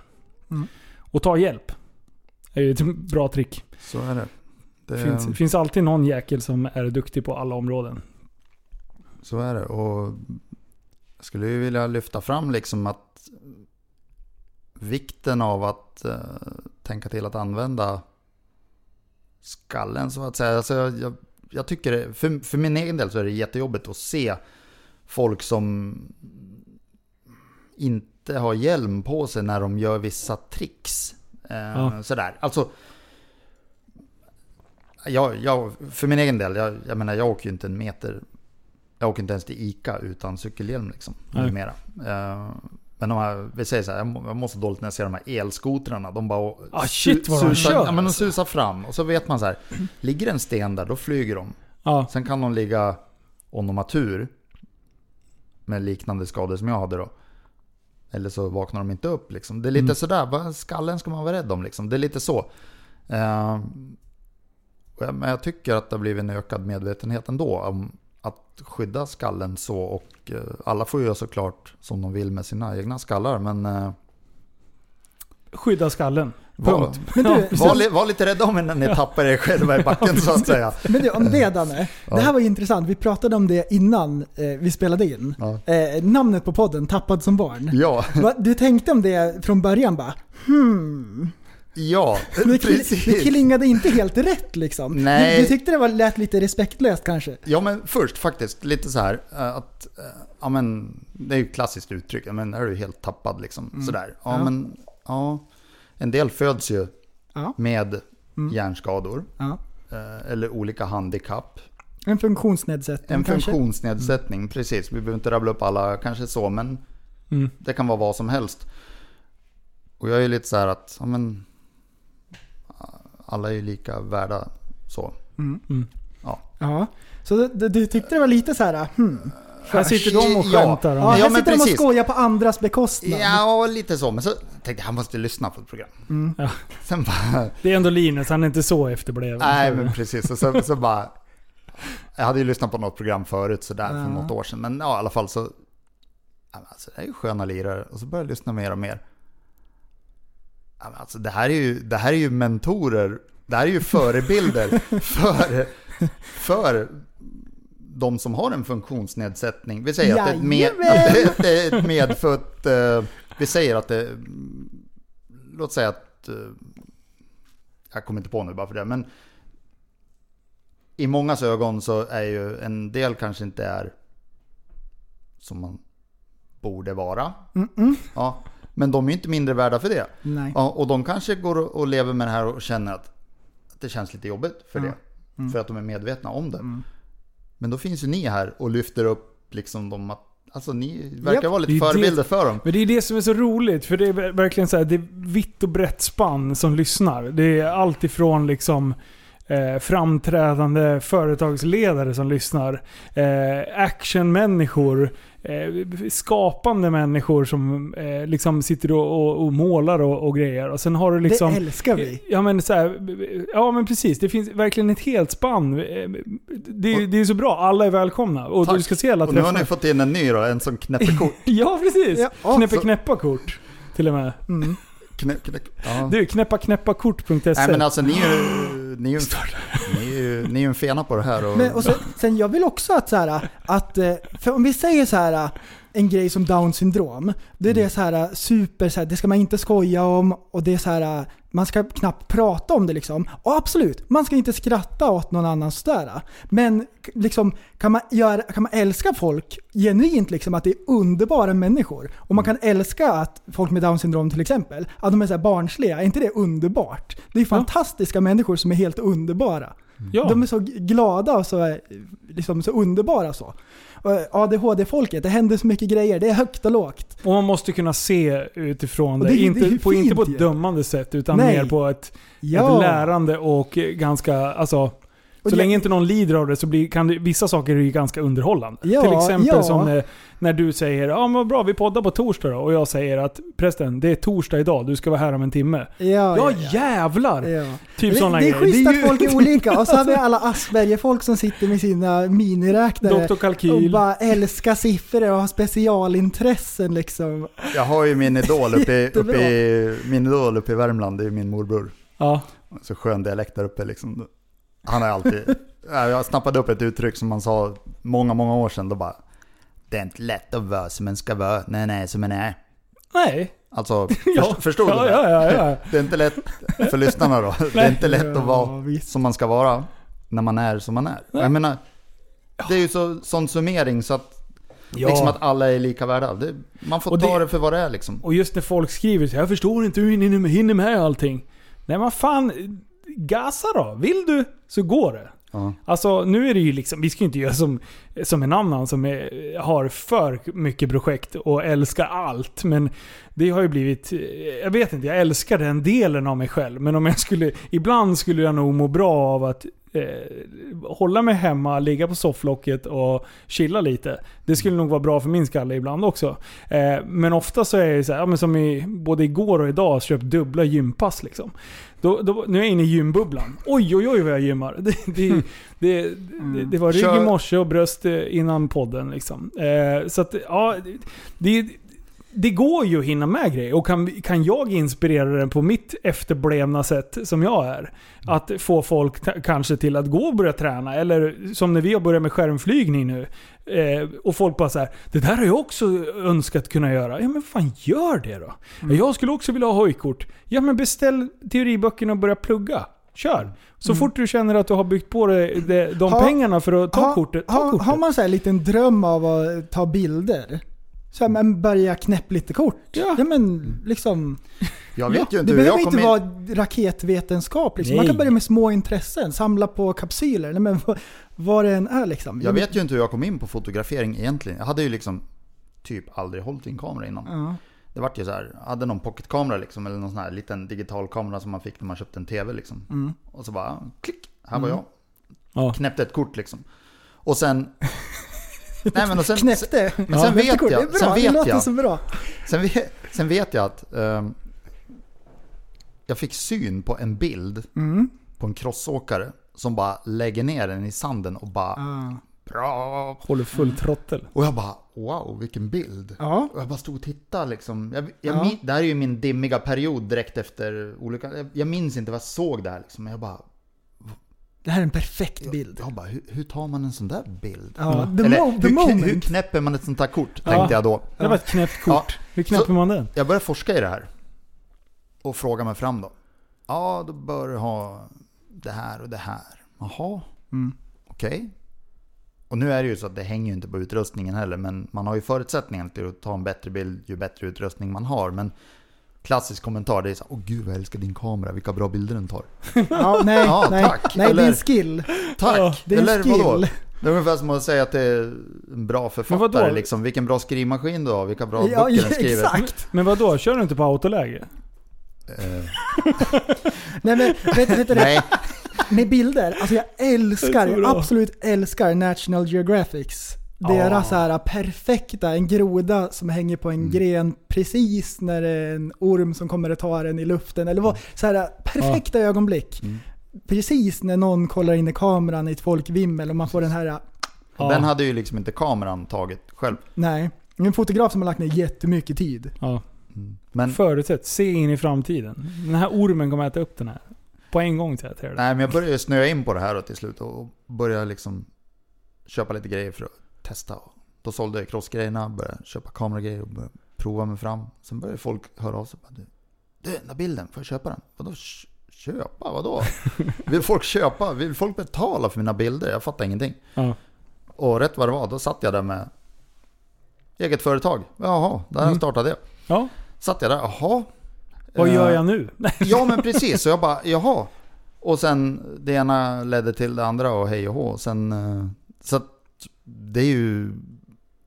ah, Ja, det är. Shit vad roligt det är alltså. Och just alla möten med alla människor. Så det är ju det Mm. som, man, som gör att man blir mer och mer taggad liksom. Så att... eh, Ja, det är bra. Mm. Fint. Grabbar, vi har kört, eh, vi har kört i över, snart två och en halv timme. Oj, eh, det är What? nästan rekord eller? Ja, nästan. Wow. Eh, och, så- och det känns inte som det, det har gått så fort. Ja. Alltså det, det har varit jätteintressant att ha dig med som gäst, Daniel. Tack. Eh, tack som satan att du har kommit och eh, berättat din eh, historia.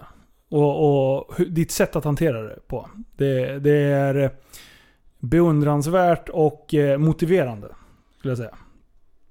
Det värmer att höra. Det är ett viktigt ämne att lyfta upp tycker jag. För att som sagt det är 200 000 personer ish, i Japp. Sverige som lever med det här av olika anledningar. Och det kan ju då finnas en och annan som har fått en traumatisk hjärnskada genom att få en kraftig hjärnskakning eller en, alltså slagit i huvudet. Som Ja. lyssnar på den här podden och som kanske inte vet varför de är som de är just nu. Så att det här är ett osynligt handikapp som inte syns.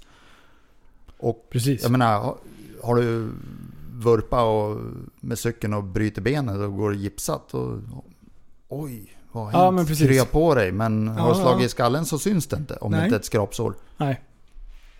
Nej men det, det, det, det är ju en bra lärdom för, till allihopa överhuvudtaget. Att man ska fasiken inte vara snabb att döma människor. Eh, för man vet ju inte vilket krig de eh, kanske krigar med i, i det tysta. Som inte syns. Eh, så att, var snälla, var ödmjuka liksom. Många har ju medfödda fel också som inte syns och det är ju... Mm. Mm, Ja, eh, vi har ju prästen här så att eh, vi vet ju, vi vet ju hur det är. ja. ja. Ja, nej skämt åsido. Det, det har varit jätteintressant. Och tack som sagt... Stroke. Nu fick jag en stroke tror jag. Ja. Eh, nej, tack som fan för att du kom och berättade. ja men tack för att jag fick Och komma. eh, så fotar vi till sommaren. Absolut. Oj, oj, oj vad vi ska fota. Allt ska vi fota. Mm. Vattenskoterträff. Ja, skulle inte den varit nu i helgen? Eh, nej, vi satte aldrig något datum. Eh, men eh, så fort, nu släpper det lite restriktioner och sådär. Mot slutet Ja. av sommaren, det kanske... Det kanske och sen måste vi ta reda på vad, hur man umgås på vattnet. För det är alltid två meters avstånd. Är det en gathering då?